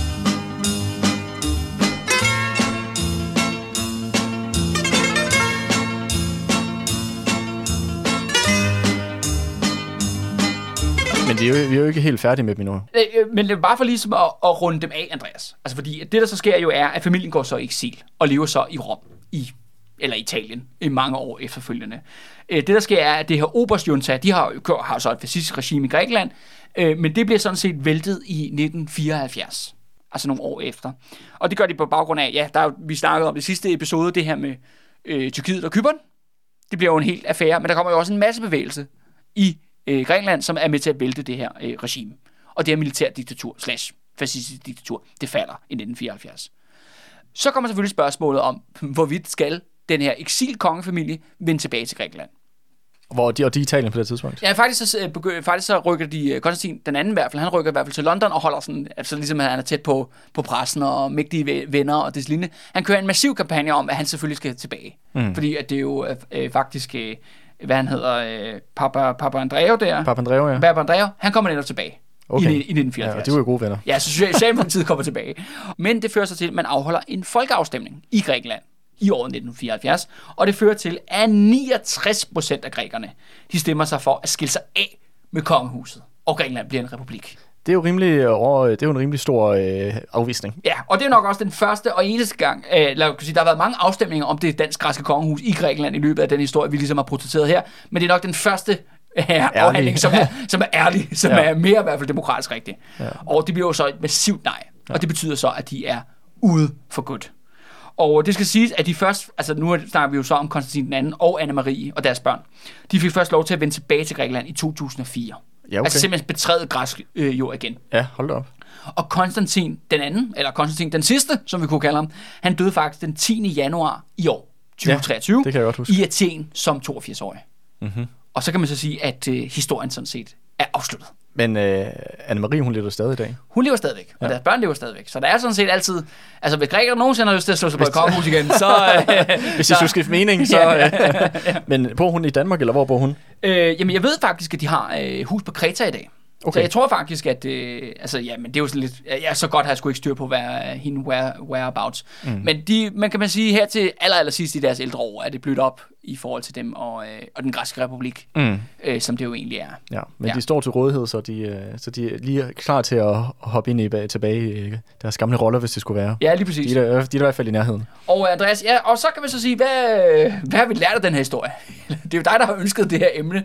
Så hvad, hvad, har, du nogen, øh, har du nogen guldkorn? Øh, Jamen, øh, jamen jeg, jeg tænkte, det kunne være sjovt at have den her historie, fordi at jeg havde set The Crown. Ja, og jeg synes, det kunne være sjovt at have noget omkring øh, øh, nogle af de mere mindre flatterende historier i forhold til det danske kongehus, eller deres offshoots, som Ja. det her det er jo. Fordi det, det her græsk, dansk-græske kongehus, som vi kalder det, er jo en gren af det, af, Ja, det, ja. danske, af det danske og, kongehus. og vi har jo set igen og igen, altså forbindelsen har været stærk. Det er det. Og den er jo også Helt til stærk. det sidste. Og det er også det der med, at jeg som sagt, uanset hvad Angri og dronningen havde gang i, altså i 1967, man kan da også i hvert fald se, at de er i hvert fald dybt involveret på et personligt plan. Mm. Den konklusion tror, synes jeg nok, man kan drage. Ja, ja. Øh, det siger hun da selv. Ja, det siger hun da selv. Ja. Så, øh, så det kan man sige, det, så den forbindelsen er stærk og var stærk, øh, og den er jo nok også stærk i dag, men der er bare ikke noget kongehus i Grækenland. Mm. Og kan man sige, heldigvis for dem. det virker, og det er også det med, at de har jo virkelig, det har jo virkelig været et shit show uden lige. Ja, det må man sige. Altså, det er jo ikke fordi, det er en, det er jo ikke en historie, der er fuld af glamour og, øh, og flotte kjoler. Og, Nej, det er det- eller sådan det som det normalt som kongehushistorie. Altså sådan, som, Det virker jo nærmest som om, at, øh, at det der kongehus øh, hele tiden kom i problemer, hele tiden blev væltet, eller hele tiden var der nogen, der døde. Og så alligevel var der, om det var, om det var britterne, eller hvem det var, udefra, prøvede hele tiden igen at øh, placere dem igen på landet, øh, på trods af, at de virkede til, at de blev afvist hele tiden. Ja, Øhm, det er sådan en eller anden, der prøver at komme ind på en bar, som, hele, som dørmanden hele tiden afviser, og så prøver, prøver at hoppe over hegnet og snige sig ind i bagdøren. tag, en hat på, så du har sko på. ja, præcis. Altså, det er sådan lidt det billede, der, øh, der tegner sig. ja, ja. Øhm, Så altså, ja, som jeg, sagde i første afsnit, at det er jo prins Joachim, der flytter ind i ungdomshuset, ja. Ja. og så bliver smidt ud af ungdomshuset, og så hele tiden tager en ny hat på. Ja, hello fellow for, kids. For, at, komme- Ja. for at komme ind i ungdomshuset igen, ikke? jo. Øh, og, og det er jo også det der med, at de har jo virkelig spillet en, en negativ rolle. Det må man sige. Det må man da... Altså ja. den ja. institutionen, altså i som sådan, altså det har jo været kup på kup. Øh, latterlige, øh, hvad hedder det, folkeafstemninger om dit om datten, som har været rigged fra, fra, fra starten. Og, og, og flere fascistiske kup. Ja. Altså flere eskaleringer i undertrykkelsen. Ja. af det græske folk. Ja. Øh, koncentra- Koncentrationslejre, som så lukker, heldigvis kan man sige, for grækerne i 1974, fordi at grækerne stemmer nej til kongehuset. Mm. Det er kan man sige, det er jo også en af de ting, der sker, at efter det her regime endelig falder, at så lukker koncentrationslejrene også, ikke?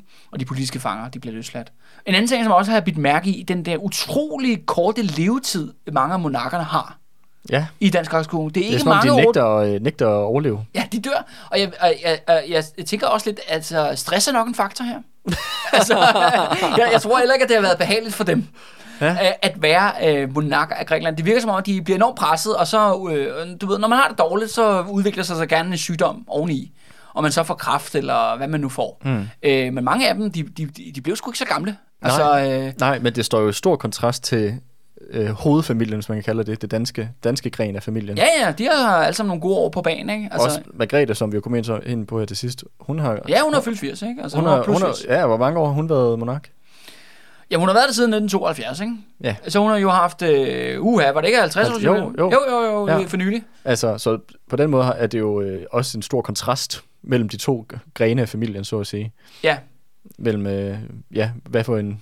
På trods af, at der har været også nogle ligheder, blandt andet med hendes bedstefar, der også godt kunne... Ja. Ligne, øh, prøvede også at, forsøgte også at kuppe øh, Folketinget et par gange, og som vi også har dækket nogle andre afsnit. i, sådan, i den danske konge, altså historieformidling, kan man sige. Der siger man jo altid, uha, jamen Glucksborgerne var jo dybt involveret og lavede alt muligt pis og gøjl i Danmark. Altså det gælder Christian 9., det gælder Frederik den 8., og det gælder Christian 10. Men da han dør i 1947, og det er jo så Margrethes bedstefar, så får vi jo Drukkenbold, sømandskongen, Frederik 9. Og han siger, at han er, ligesom, øh, han er ligesom ham, der reformerer kongehuset. Han gør kongehuset moderne, som de siger. Og når de siger moderne, så betyder det, at kongehuset stopper med at blande sig i politik. Mm. Efter hans død. hvert fald direkte. Øh, det, ja, men det er jo så den her, den her 1967 bryllupshistorie. Begynder lige, begynder at clear, altså begynder, min bullshit detektor begynder at ringe Andreas. Mm. Og det gælder sådan set også Frederik 9's regeringstid. Altså henholdsvis fra 1947 til 1972, og den nuværende dronnings fra 1972 til, ja, til 2023 i hvert fald. Ikke? Ja. Kronprinsen, altså kronprins Frederik, vores kronprins Frederik, har jo også været in- involveret i politiske sager, mest i forhold til OL-komité og deslignende og sådan noget. Ikke? Det viser sig bare, at når man begynder at grave lidt i lakken, når man begynder at pille lidt i facaden på Amalienborg, så viser det sig lige pludselig, at der er sådan en politisk involvering af kongehuset. Mm. Øh, men det er så klart nok, at med Frederik 9 og Margrethe har det været mere behind the scenes, men det jo handler jo også om, hvad for et fora de spiller på. Når det er Grækenland, når det er den del af familien dernede i Middelhavet, hvor det er lidt varmere, og folk har mere passion, eller hvad det er, ikke? Øh, så, så, så går det fuldstændig bananas. Der er i hvert fald ikke, der, man kan i hvert fald ikke argumentere for, at det er en familie, der elsker demokrati og færre spilleregler. Mm. Det synes jeg godt, at man kan konkludere på den her historie. Mm. Øh, men det er klart, at som den nuværende, eller den politiske situation har været i Danmark siden 1947, så har der måske ikke været så store åbninger for, at det danske kongehus... Eller behov for det. Eller behov for det. Nej, det er jo så en anden ting. Der har heller måske ikke været noget behov for, at kongehuset skulle spille sådan en rolle. Mm. Men jeg blev da godt nok mærke i, at der via coronanedlukninger i 2020, hvor du og jeg, vi sad og lavede Valdemar Atterdag i sin tid, der synes jeg godt nok lige pludselig, at dronningen og statsministeren var meget på fjernsynet sammen. Mm. Det var godt nok som om, at øh, der blev hun godt nok støvet af mm. og kørt op foran i fremstillingen. Og lige så snart, at krisen var overstået, så blev hun pakket tilbage ind i skabet igen. Mm. Og der har hun sådan set været lige siden. Ja. Øh, og så en anden sjov ting, som er jo også vil sige, hvad er dronningens motiver i det hele taget? Man skal jo bare vide, at, øh, at nu godt nok lige stoppe med at ryge, men hun har jo altid røget øh, græske cigaretter. Ulovlige græske cigaretter, fordi det er nogle cigaretter, græske cigaretter, som har været ulovlige i Danmark i mange, mange år, på grund af, fordi de er for ja, sundhedsskadelige. Ja, okay. Det har hun fået lov til at ryge, øh, som den eneste person i Danmark. Og er, er, er det et hint, Andreas? er, det, er det det smoking gun? ja. ja. Apropos, nu nævnte du lige også, øh, hvad hedder det nu, øh, Frederik. Ja, Jeg- jeg altså ved- vores kronprins. Ja, ja. ja, ja nu er det ikke fordi, at, øh, at det her det er på nogen som helst måde for at sige, at han er i gang med at organisere et kup eller noget som helst. Men øh, jeg blev bare mærke i her den anden dag, at, øh, at der var en historie jeg læste i, i det der nyhedsmedie, der hedder Olfi, sådan et lille Jamen, jeg, jeg forsvarsmedie. har godt hørt det omtalt. Ja. ja, hvor øh, de havde en øh, historie omkring sådan en hem, hemmelig loge, som, Nå. som, han øh, som der er blevet, en, jeg ved ikke, optravlet måske meget sagt, men den er i hvert fald blevet opdaget af nogle folk, som blev i hvert fald meget overrasket over, at han havde en hemmelig loge blandt toppen af folk fra militæret. ja, generalstaben eller ja, det lignende. Ja. Ja, øh, som, øh, som i hvert fald ikke var annonceret nogen som helst steder, at den eksisterede på interne linjer eller noget. Og så er man helt, er vi i København, eller er vi i Athen? og, øh, og ja, og det, det, det, er jo, det er jo, hvad skal man sige, det er jo ikke for, øh, fordi at, øh, for at sige, at åh, lige om lidt tager vi kup. men, øh, men, jeg, men jeg vil sige, det er i hvert fald, det er jo bare i forhold til den her, hvad kan man kalde det, den tradition, den, der ligesom også er i den her familie, og som, Mm. at det ligger som om, det ligger måske også lidt dybere, end man skulle tro. Ja. Og netop som du sagt, behov for det. Altså, øh, kan man så sige, nu har vi jo så en flertalsregering og sådan noget. Men en ting, der i hvert fald er sikkert, det er i hvert fald, at- det politiske system, altså vi taler om demokratiet, er jo historisk upopulært i Danmark. Ja. Og der er færre og færre, der er medlemmer. Det er kun 3% jo af den danske befolkning på nuværende tidspunkt, der er medlem af noget som helst politisk parti. Venstrefløj som højrefløj. Mm. Så i takt Det med... kan du ikke bebrejde dem. Ja, nej, nej, nej, overhovedet ikke. Jamen, jeg, jeg er fuldstændig på det hold. Altså, al- alle dem, som ikke er, altså, alle dem, som ikke er med i de 3 procent, lad mig Ja. sige sådan. Øhm, men det er jo bare, jo mere det øh, ustabilt vores politiske system vil blive herhjemme, højst sandsynligt vil kongehuset spille en større rolle. Jeg synes, man så det jo lidt det- i altså- Storbritannien med Boris Johnson, dengang Ja. ja. han var premierminister, hvor han jo fik, øh, eller bad dronningen om at opløse parlamentet. Ja, Jeg ved ikke, om du kan huske det. nej, nej, det kan jeg ikke, nej. Nå, det var også under corona, Ja, hvor at, øh, jeg kan faktisk ikke huske, om hun endte med at gøre det eller ej, øh, eller om øh, hvad der skete. Men øh, det virkede i hvert fald som om, at, at han var, hans regering var i krise, og, øh, og tydeligvis så rækte han ud efter øh, at bruge ligesom monarkiet som en støttepille i forhold til at stabilisere øh, hans politiske situation, og den situation, som ja. hans parti stod i. Øh, som jo også, kan man sige, heller ikke var helt populært for, øh, blandt toppen i det britiske samfund, fordi det illustrerer jo ligesom også, at det her, øh, hvad kan man sige, den her institution, som ellers bliver præsenteret som værende meget neutral og bare mest hyggelige, billedbladet, ja. flotte kjoler. at den har, den har også en masse magt politisk, at den kan for eksempel opløse et parlament. Øh, at det ikke bare kun sådan en ceremonielt religie for fortiden, men at den sådan set stadig har en magt i samfundet, som den kan bruge i det omfang, det skulle blive nødvendigt. Ja, hvis der kommer en krise. Ikke? Ja. Og det var også det, der så var, var interessant jo netop ved at se dronningen tone frem med statsministeren der i 2020. Ikke? Med coronanedlukningen blev der jo taget en masse voldsomme beslutninger. Altså, du altså virkelig, kan man sige, politik havde en kæmpe indvirkning på folk, ikke? fordi det er jo det, ja, statsministeren valgte den her nedlukning. Og lige så snart det skete, at hun kunne føle, måske hun kunne, uh, det kan godt være, at jeg er en smule upopulær på det her, så hiver hun dronningen ind. Så er det de to, og de snakkede om, der var artikler om, hvordan de to kvinder, øh, hvordan hvor meget statsministeren, altså Mette Frederiksen, øh, så op til dronning Margrethe mm. og deslignende. Ja, hun blev da helt sikkert brugt som en støttepille på den måde. Ja, ja, ja, og det er også det der med, at vi er jo ikke, det er jo ikke nu, at kongehuset har en aktiv politisk rolle i Danmark, men jeg ved ikke, hvor mange skridt vi... hvor, hvor mange mere flere kriser, skridt ned i krisevejen, der skal ja, gå. Ja, lige præcis. Ja, ja. Ikke? Altså, eller hvordan det kommer ud til at se ud med det næste, det næste folketing, der kommer til at sidde ja, efter den her, ja, den her ja. shit show af en regering. Ikke? Ja, men ja, det bliver spændende. Det må, det må historien jo vise. Ja. ja. Der er ikke andet for.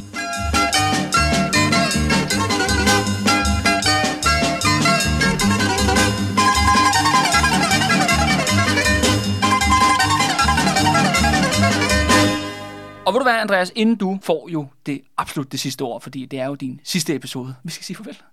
Og øh, jeg skal sige farvel, og lytterne skal sige farvel. Øh, så vil jeg bare sige øh, til jer, der lytter med, tak fordi I lyttede med. Øh, jeg øh, går på barsel i juli måned, så der kommer altså ikke noget øh, De Røde Fjer den næste måneds tid. Det kan være, I måske endda lade mærke til, at der var lidt barnegråd på et tidspunkt i, i baggrunden af det her afsnit. ja, ja, ja. Og øh, der er nu altså nu, der er en, øh, en søn, der skal passes, øh, så jeg trækker lige stikket i måneds tid, og så lyttes vi ved i august. Øh, indtil da, så kan man jo være velkommen til at tjekke vores kæmpe store bagkatalog på de røde fjer. Der kan man sige, det bliver en lang sommerferie. Heldigvis er der 151 episoder med dagens episode, øh, kan man sige, der venter på jer derude. Man kan gå ind på de røde fjers hjemmeside, derødefjer.dk, hvor at under podcast, der har jeg simpelthen lavet et helt arkiv mm-hmm. så man kan finde Vældig flot. Øh, alle vores serier og gå mm. dykke ned i det. Jeg kan afsløre, at Andreas er med på de fleste af de her serier. Så også hvis I savner ham, så kan I altid gå ind og, og lige vente til, jeg har talt 10 minutter, så siger Andreas noget i 1 minut, og så, og så er det bare 10 minutter igen. Øh, men det er, der, det er der altså masser af, der ligger og venter på jer inde på nettet, hvis I skulle have misset nogle serier. Øh, inde på hjemmesiden, der kan I selvfølgelig også se alle de der byvandringer, øh, jeg sælger og foredrag til Slinde, øh, så kan man blive inspireret til efter sommerferien. Og så er det aller sidste, jeg vil sige, er bare, at hvis du kan lide det, du lytter til. Altså, du kan lide det her projekt, De Røde Fjer, nu kun med Kalle Kølmand, desværre. Øh, så kan man jo gå ind og støtte mig på tier.dk. Det er sådan, De Røde Fjer har været fundet nu i lang tid. Det er derfor, vi udkommer gerne en gang om ugen. Og ja, og hvis man gerne vil sikre sig det, jamen så overvej at, at støtte øh, mig med et valgfrit øh, beløb. Mm-hmm. Men Andreas, nu vil jeg holde min kæft. Og, øh, over... Altså, det behøver ikke, de, de er alt for stille. jeg vil være tav som graven. Nej, jeg vil, jeg vil overlade det sidste til dig nu. Jamen, øh, jamen, det er jo, jeg ved jo slet ikke, hvad jeg skal sige. Det er jo så sjældent, at du rent faktisk giver mig plads til at snakke. tænk, tænk, det, det kan være, du skal trække tiden lidt, så. Ja, jeg tænker, at der skulle gå det, jeg troede med at stoppe, for at jeg fik lov til at få ordet for en gang skyld. Nej, altså jeg vil jo bare sige, at, øh, at det har været en, en sand fornøjelse at være med her på, øh, på showet. Både øh, at, at lave det her sammen med dig, synes jeg har været øh, virkelig underholdende, virkelig sjovt, men også, jeg vil sige, et vigtigt projekt i forhold til at og, og dykke ned i nogle af de her historier, der er ikke særlig godt belyst, og nogle, øh, tage frem med nogle af de her historier, som ellers bliver præsenteret som sandheder, og prøve lige at se dem fra en anden vinkel, en, øh, en lidt mere sober, vil nogen måske sige, lidt mere kritisk vinkel, øh, og, øh, og sandfærdig måske endda. Og jeg tror også, som vi snakkede om mange af de første afsnit, vi lavede, det er sjovt, det, det er som om, det er noget, som vi har snakket om sjældnere og sjældnere, men det var jo det her med, hvordan at, at vi også ligesom, et mål med den her podcast, var også det her med at gøre historien øh, spændende og underholdende yeah. igen.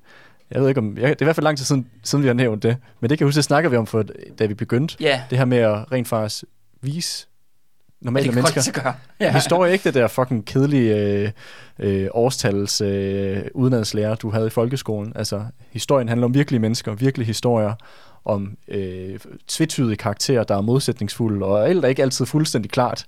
Øh, men at, øh, at det, er, det, handler, det handler om, ikke bare om, om en fjern fortid, men det handler også om nutiden og den verden, vi lever i, og om muligheden for at forstå den på et, på et dybere niveau. Øhm, og samtidig også blive underholdt af det. Fordi ja. det er, fordi at, ej, for glem. Ej, for glem, fordi at øh, virkeligheden er som regel bedre end noget, man kan finde, noget, den, fantasien kan finde på. ja. øhm, ja, jeg synes i hvert fald, det har været en, en sand fornøjelse, og, øh, og jeg håber da meget, at øh, folk vil blive hængende ved. Det vil jeg da i hvert fald, og lytte med på, hvad der kommer i fremtiden. Øh, fra, fra så Kalle Kyllemann solo. ja, det, øh, jeg tror, det er...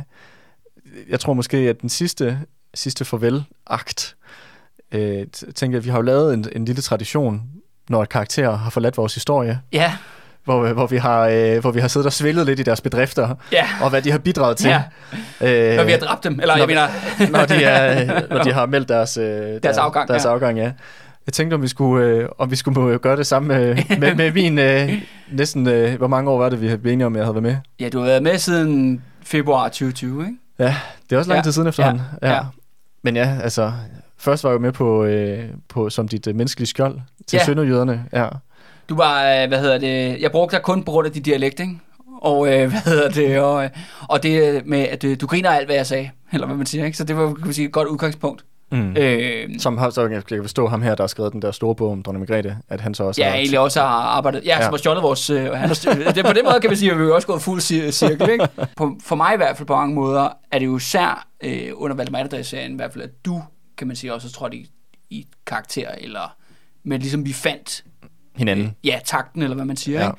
Og, og hvad det skulle ligesom være fremadrettet. Mm. Øhm, øh, og det, ja, den serie står, øh, står for mig i hvert fald som en af de mest vigtige og afgørende. Mm. I hvert fald i min formidlingskarriere, eller hvad man skal Mm. kalde det her, eller det her projekt Ja. i det hele taget.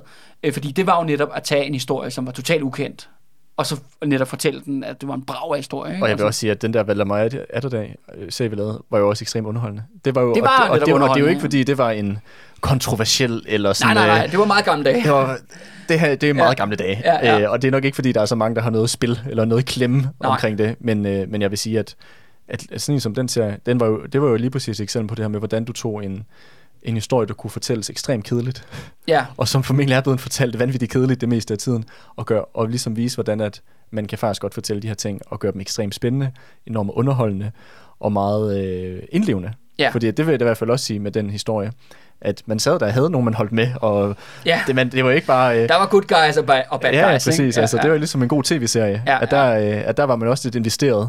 Og det synes jeg faktisk, at, at den serie, den formåede, at den formåede faktisk at gøre historien levende og inspirerende og indlevende på en måde, som, som jeg synes, man kender fra de der gode tv-serier, om det er Game Ja. of Thrones eller hvad fanden der man ser, øh, og få den samme følelse, som man havde med det. Det, det synes jeg, vi, vi opnåede med den serie. Ja. Jeg var jo også ligesom fandt, kan man sige, formen, eller Ja. hvad man siger, hvad det ligesom blev fremadrettet. Ja. Øh, også en, et serie, jeg tænker tilbage på, og det kan man så sige, den er så også nært beslægtet med den, vi udgav her i starten af året. Det er jo netop oprøret, Mhm. mm. om augustoprøret øh, 1943. Mm.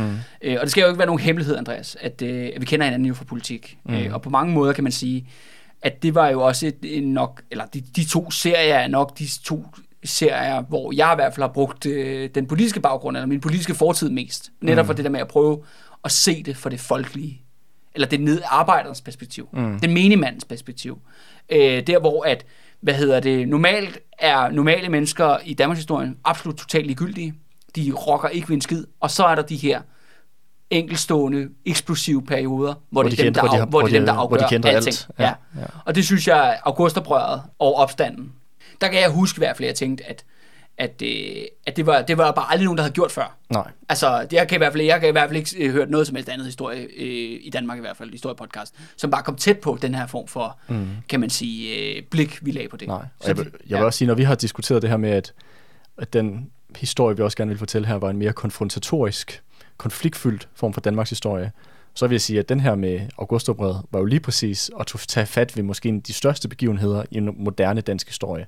Moderne forstået som det, det 20. århundrede, Ja, hvor Danmark måske kommer tættest på en decideret revolution. ja, Fordi at hvis man, de der begivenheder, som vi beskrev i, i den serie, vil jeg sige, at de er en helt anden kaliber end noget, som, som jeg i hvert fald kender til, som der har været gået, gået efter, efter de begivenheder. Med de her stadionmøder med tusindvis af folk, som jo mø- mødes i, hvad der basalt set er sådan en prototype arbejderråd Ja. i byer som Odense og alle mulige andre steder. Øh, og hvor et, ikke bare nazisterne, men også den danske borgerlige stat mister sådan set grebet ja, øh, om, om de her områder her, hvor arbejderne begynder selv at, øh, og, hvad skal man sige, flex deres muskler, kan man sige. ja. Øhm, det, det vil jeg sige var også enormt politisk inspirerende og, øh, for mig Ja. egentlig også at høre den historie, øh, og, øh, og, kunne, og kunne rent faktisk øh, øh, få et klart, klokkeklart eksempel på, at klassekamp er ikke kun noget, der sker i Frankrig. Nej, nej, nej, nej, nej, nej. eller, Eller Grækenland. eller Grækenland. Ja. Men at, at, øh, at vores egen historie, den danske arbejderklassehistorie, har også sine egne, hvad skal man sige, high points, i form af sådan noget som for eksempel som augustoprøret, eller øh, hvad skal man sige, Folkeopstanden. folkeopstanden i, øh, i 44, Ja. som jeg vil sige også er i den samme kategori. Øh, så, så det synes jeg da også har været, der har vi jo i hvert fald også formået for mig at se, at, de, at levere det, som vi har Ja. solgt os på. Ja. Øh, Og det jeg tænker noget- også, altså i forhold til din, nu er det jo, nu er det jo her, ligger vi jo dig på lidt de paret, ikke? Eller her til sidst. Altså jeg vil også sige, den serie for mig, så det er jo meget sådan her, at, og det ved lytterne jo øh, også, at jeg taler jo i en uendelighed. Øh, men, men det der med, at du så, ja, du lytter, og så stoppede du mig, og så kom du faktisk med dine egne analyser. Fordi du også er, netop har noget, eller, og det har du sådan set stadigvæk altså, det, noget at, at bringe til bordet. Mm. Altså, og det synes jeg har sat enormt meget pris på. Også fordi tit har du faktisk kommet med nogle perspektiver, jeg måske ikke lige har tænkt over. Mm.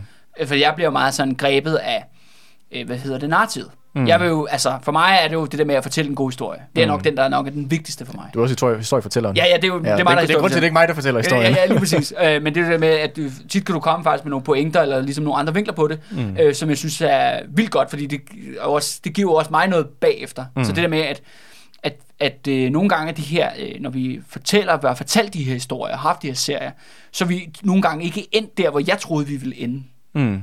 Det er noget, der ligesom er kommet mm-hmm. i rummet, når vi to har sat os sammen og diskuteret. Fordi så er du kommet med nogle ting, altså du har givet masser af plads, kan man sige, til at jeg bare kunne øh, fyre den af, ikke? Ja. Men så kommer der noget, og så øh, tit har jeg tænkt, Nå ja, for helvede, der har han sgu da en meget god pointe. Ja. Ja. Og så har jeg tænkt over det til den næste episode, vi har optaget serien. Og det er jo det der med også, at vi har de her lange serier. Hvorfor du aldrig lange, fortalt mig det før, Kalle? Du, hvorfor, hvorfor skal vi vente så mange år for at få en, bare en form for uh, credit for noget? ja.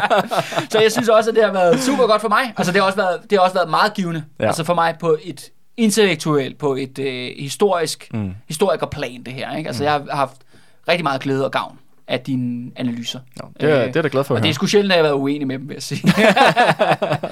øhm, ja, hvis vi lige tager det videre derfra, ja. Ja. Andreas. Jeg vil sige måske, og det er mest sådan sjovt, synes jeg også, mest fordi også med vores baggrund, eller hvem vi er som personer.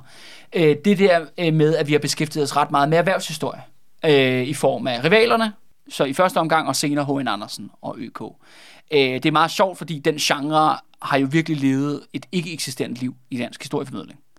Men jeg ved jo netop, at vi er jo noget ud over rampen med de der historier. Ja. Og det, øh, og at sige, det er jo ikke fordi, at jeg synes måske ude fra sådan et rent historisk, historikerplan, fortællerteknisk, så synes jeg måske, at Augustoprøret og opstand har været sjovere, fordi det handler om at, ligesom at sætte mange små historier sammen til et stort narrativ. Mm. Altså alle mulige brudstykker af personlige, individuelle ja, for- forretning, ja. beretninger nede folk ja. på gulvet, og så ligesom til en stor historie. Så det kan man sige har været en større udfordring.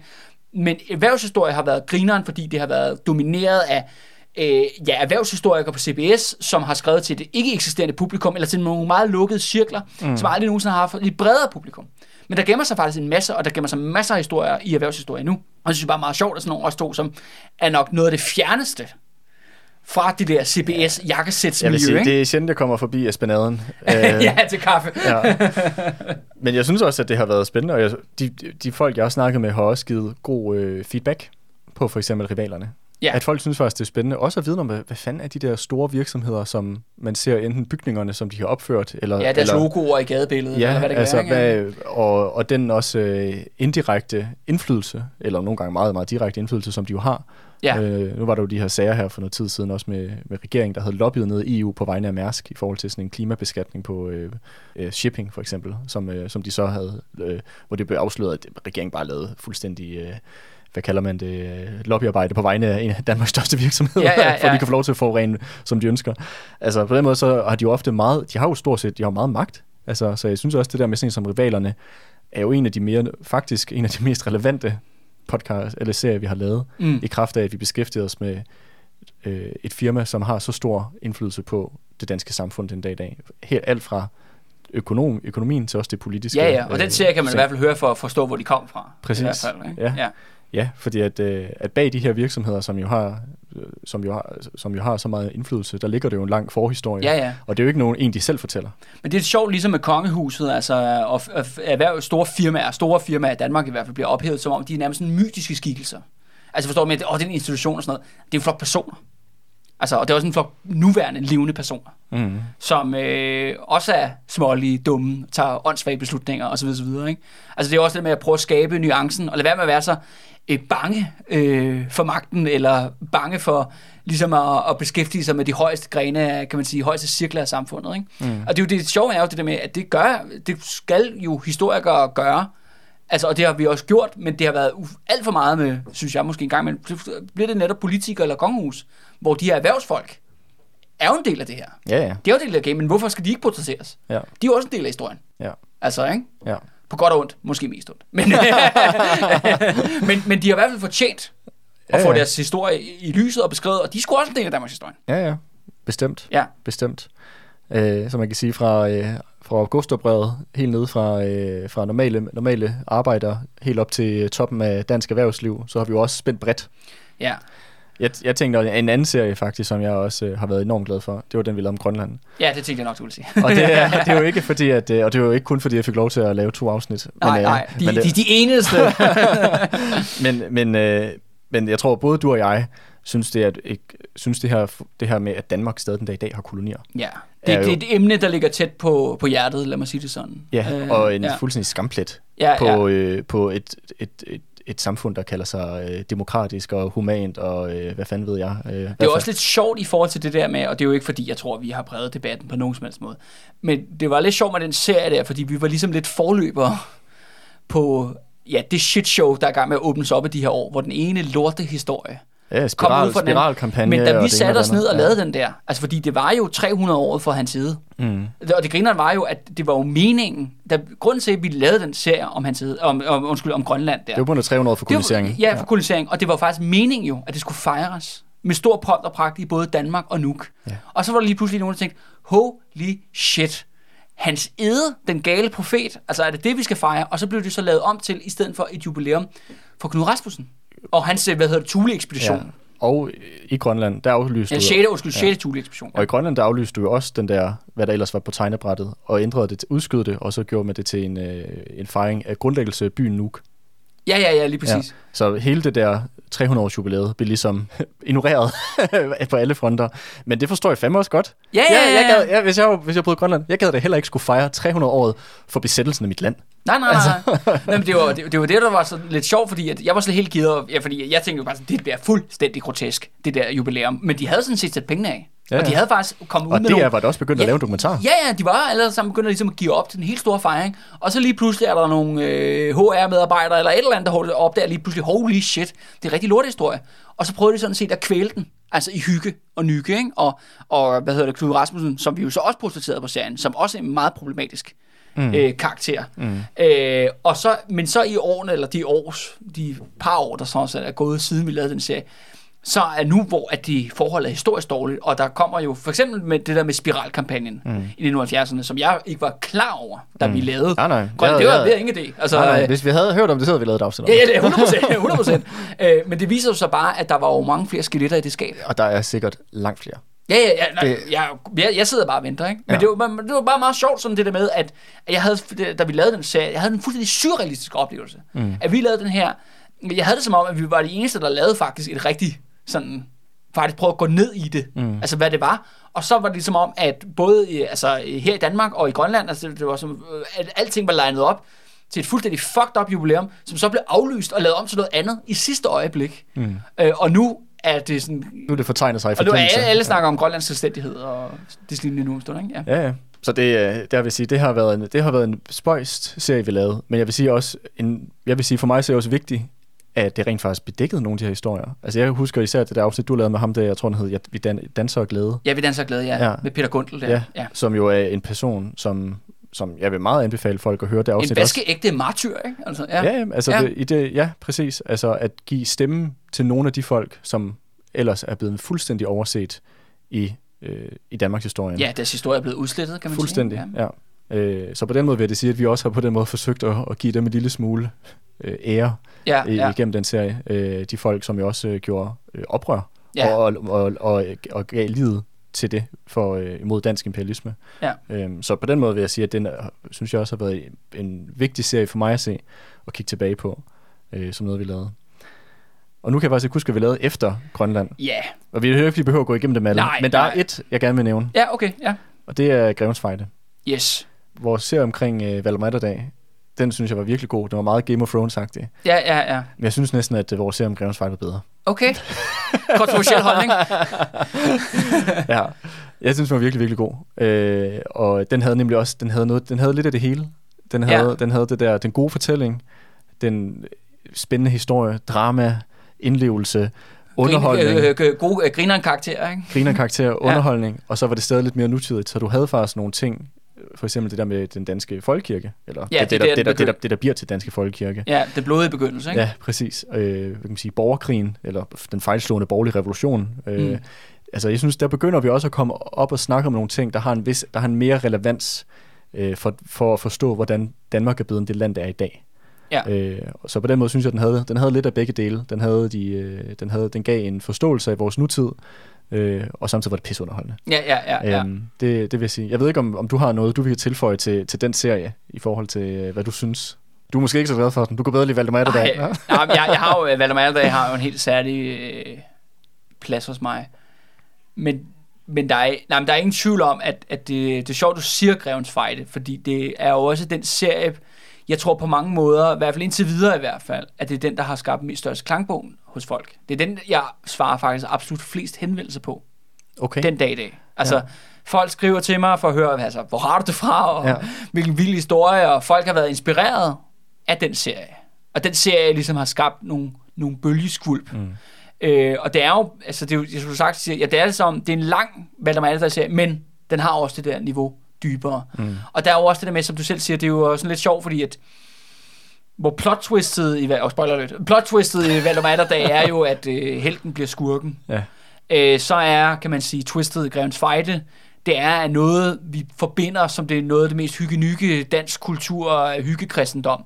Det kommer fra et meget, meget mørkt sted. Mm. Øh, og det her katastrofale nederlag, som kaster generationer ud i mere eller mindre slaveri og undertrykkelse. Ikke? Mm. Det er jo det, Grevens I Fejde er. Men, det er også, men der er så mange inspirerende karakterer fra mm. den der tid. Altså mor Sibrit er jo værd at Mm. fremhæve, men I er også, øh, både også Skipper Clement, og, og selvfølgelig med min personlige favorit er jo selvfølgelig Ambrosius Bogbitter. Hmm. Ham den ø- øksesvingende. Ja, ja, og Conrad Køkkenfedt, ikke? Altså, ja, ja, ja, the whole gang, ikke? Ja. Og, og det er jo især, fordi jeg jo selv er, jeg bor i København, og jeg byvandrer i København, og Mm. mm. det, der er sgu tit, jeg, jeg sender de drenge en, en tanke, ikke? Ja. Så, altså, det var lige her, de stod, ikke? Ja. Ja. Sådan tænker jeg sgu tit, faktisk. Ja, jamen øh, enig. Det der med at kunne øh, rent faktisk se øh, bygninger i byen, der står for den tid, den der Ja, dag, og de samme pladser i hvert Ja, fald, og ja. ja. ja. det, det giver noget særligt. Ja.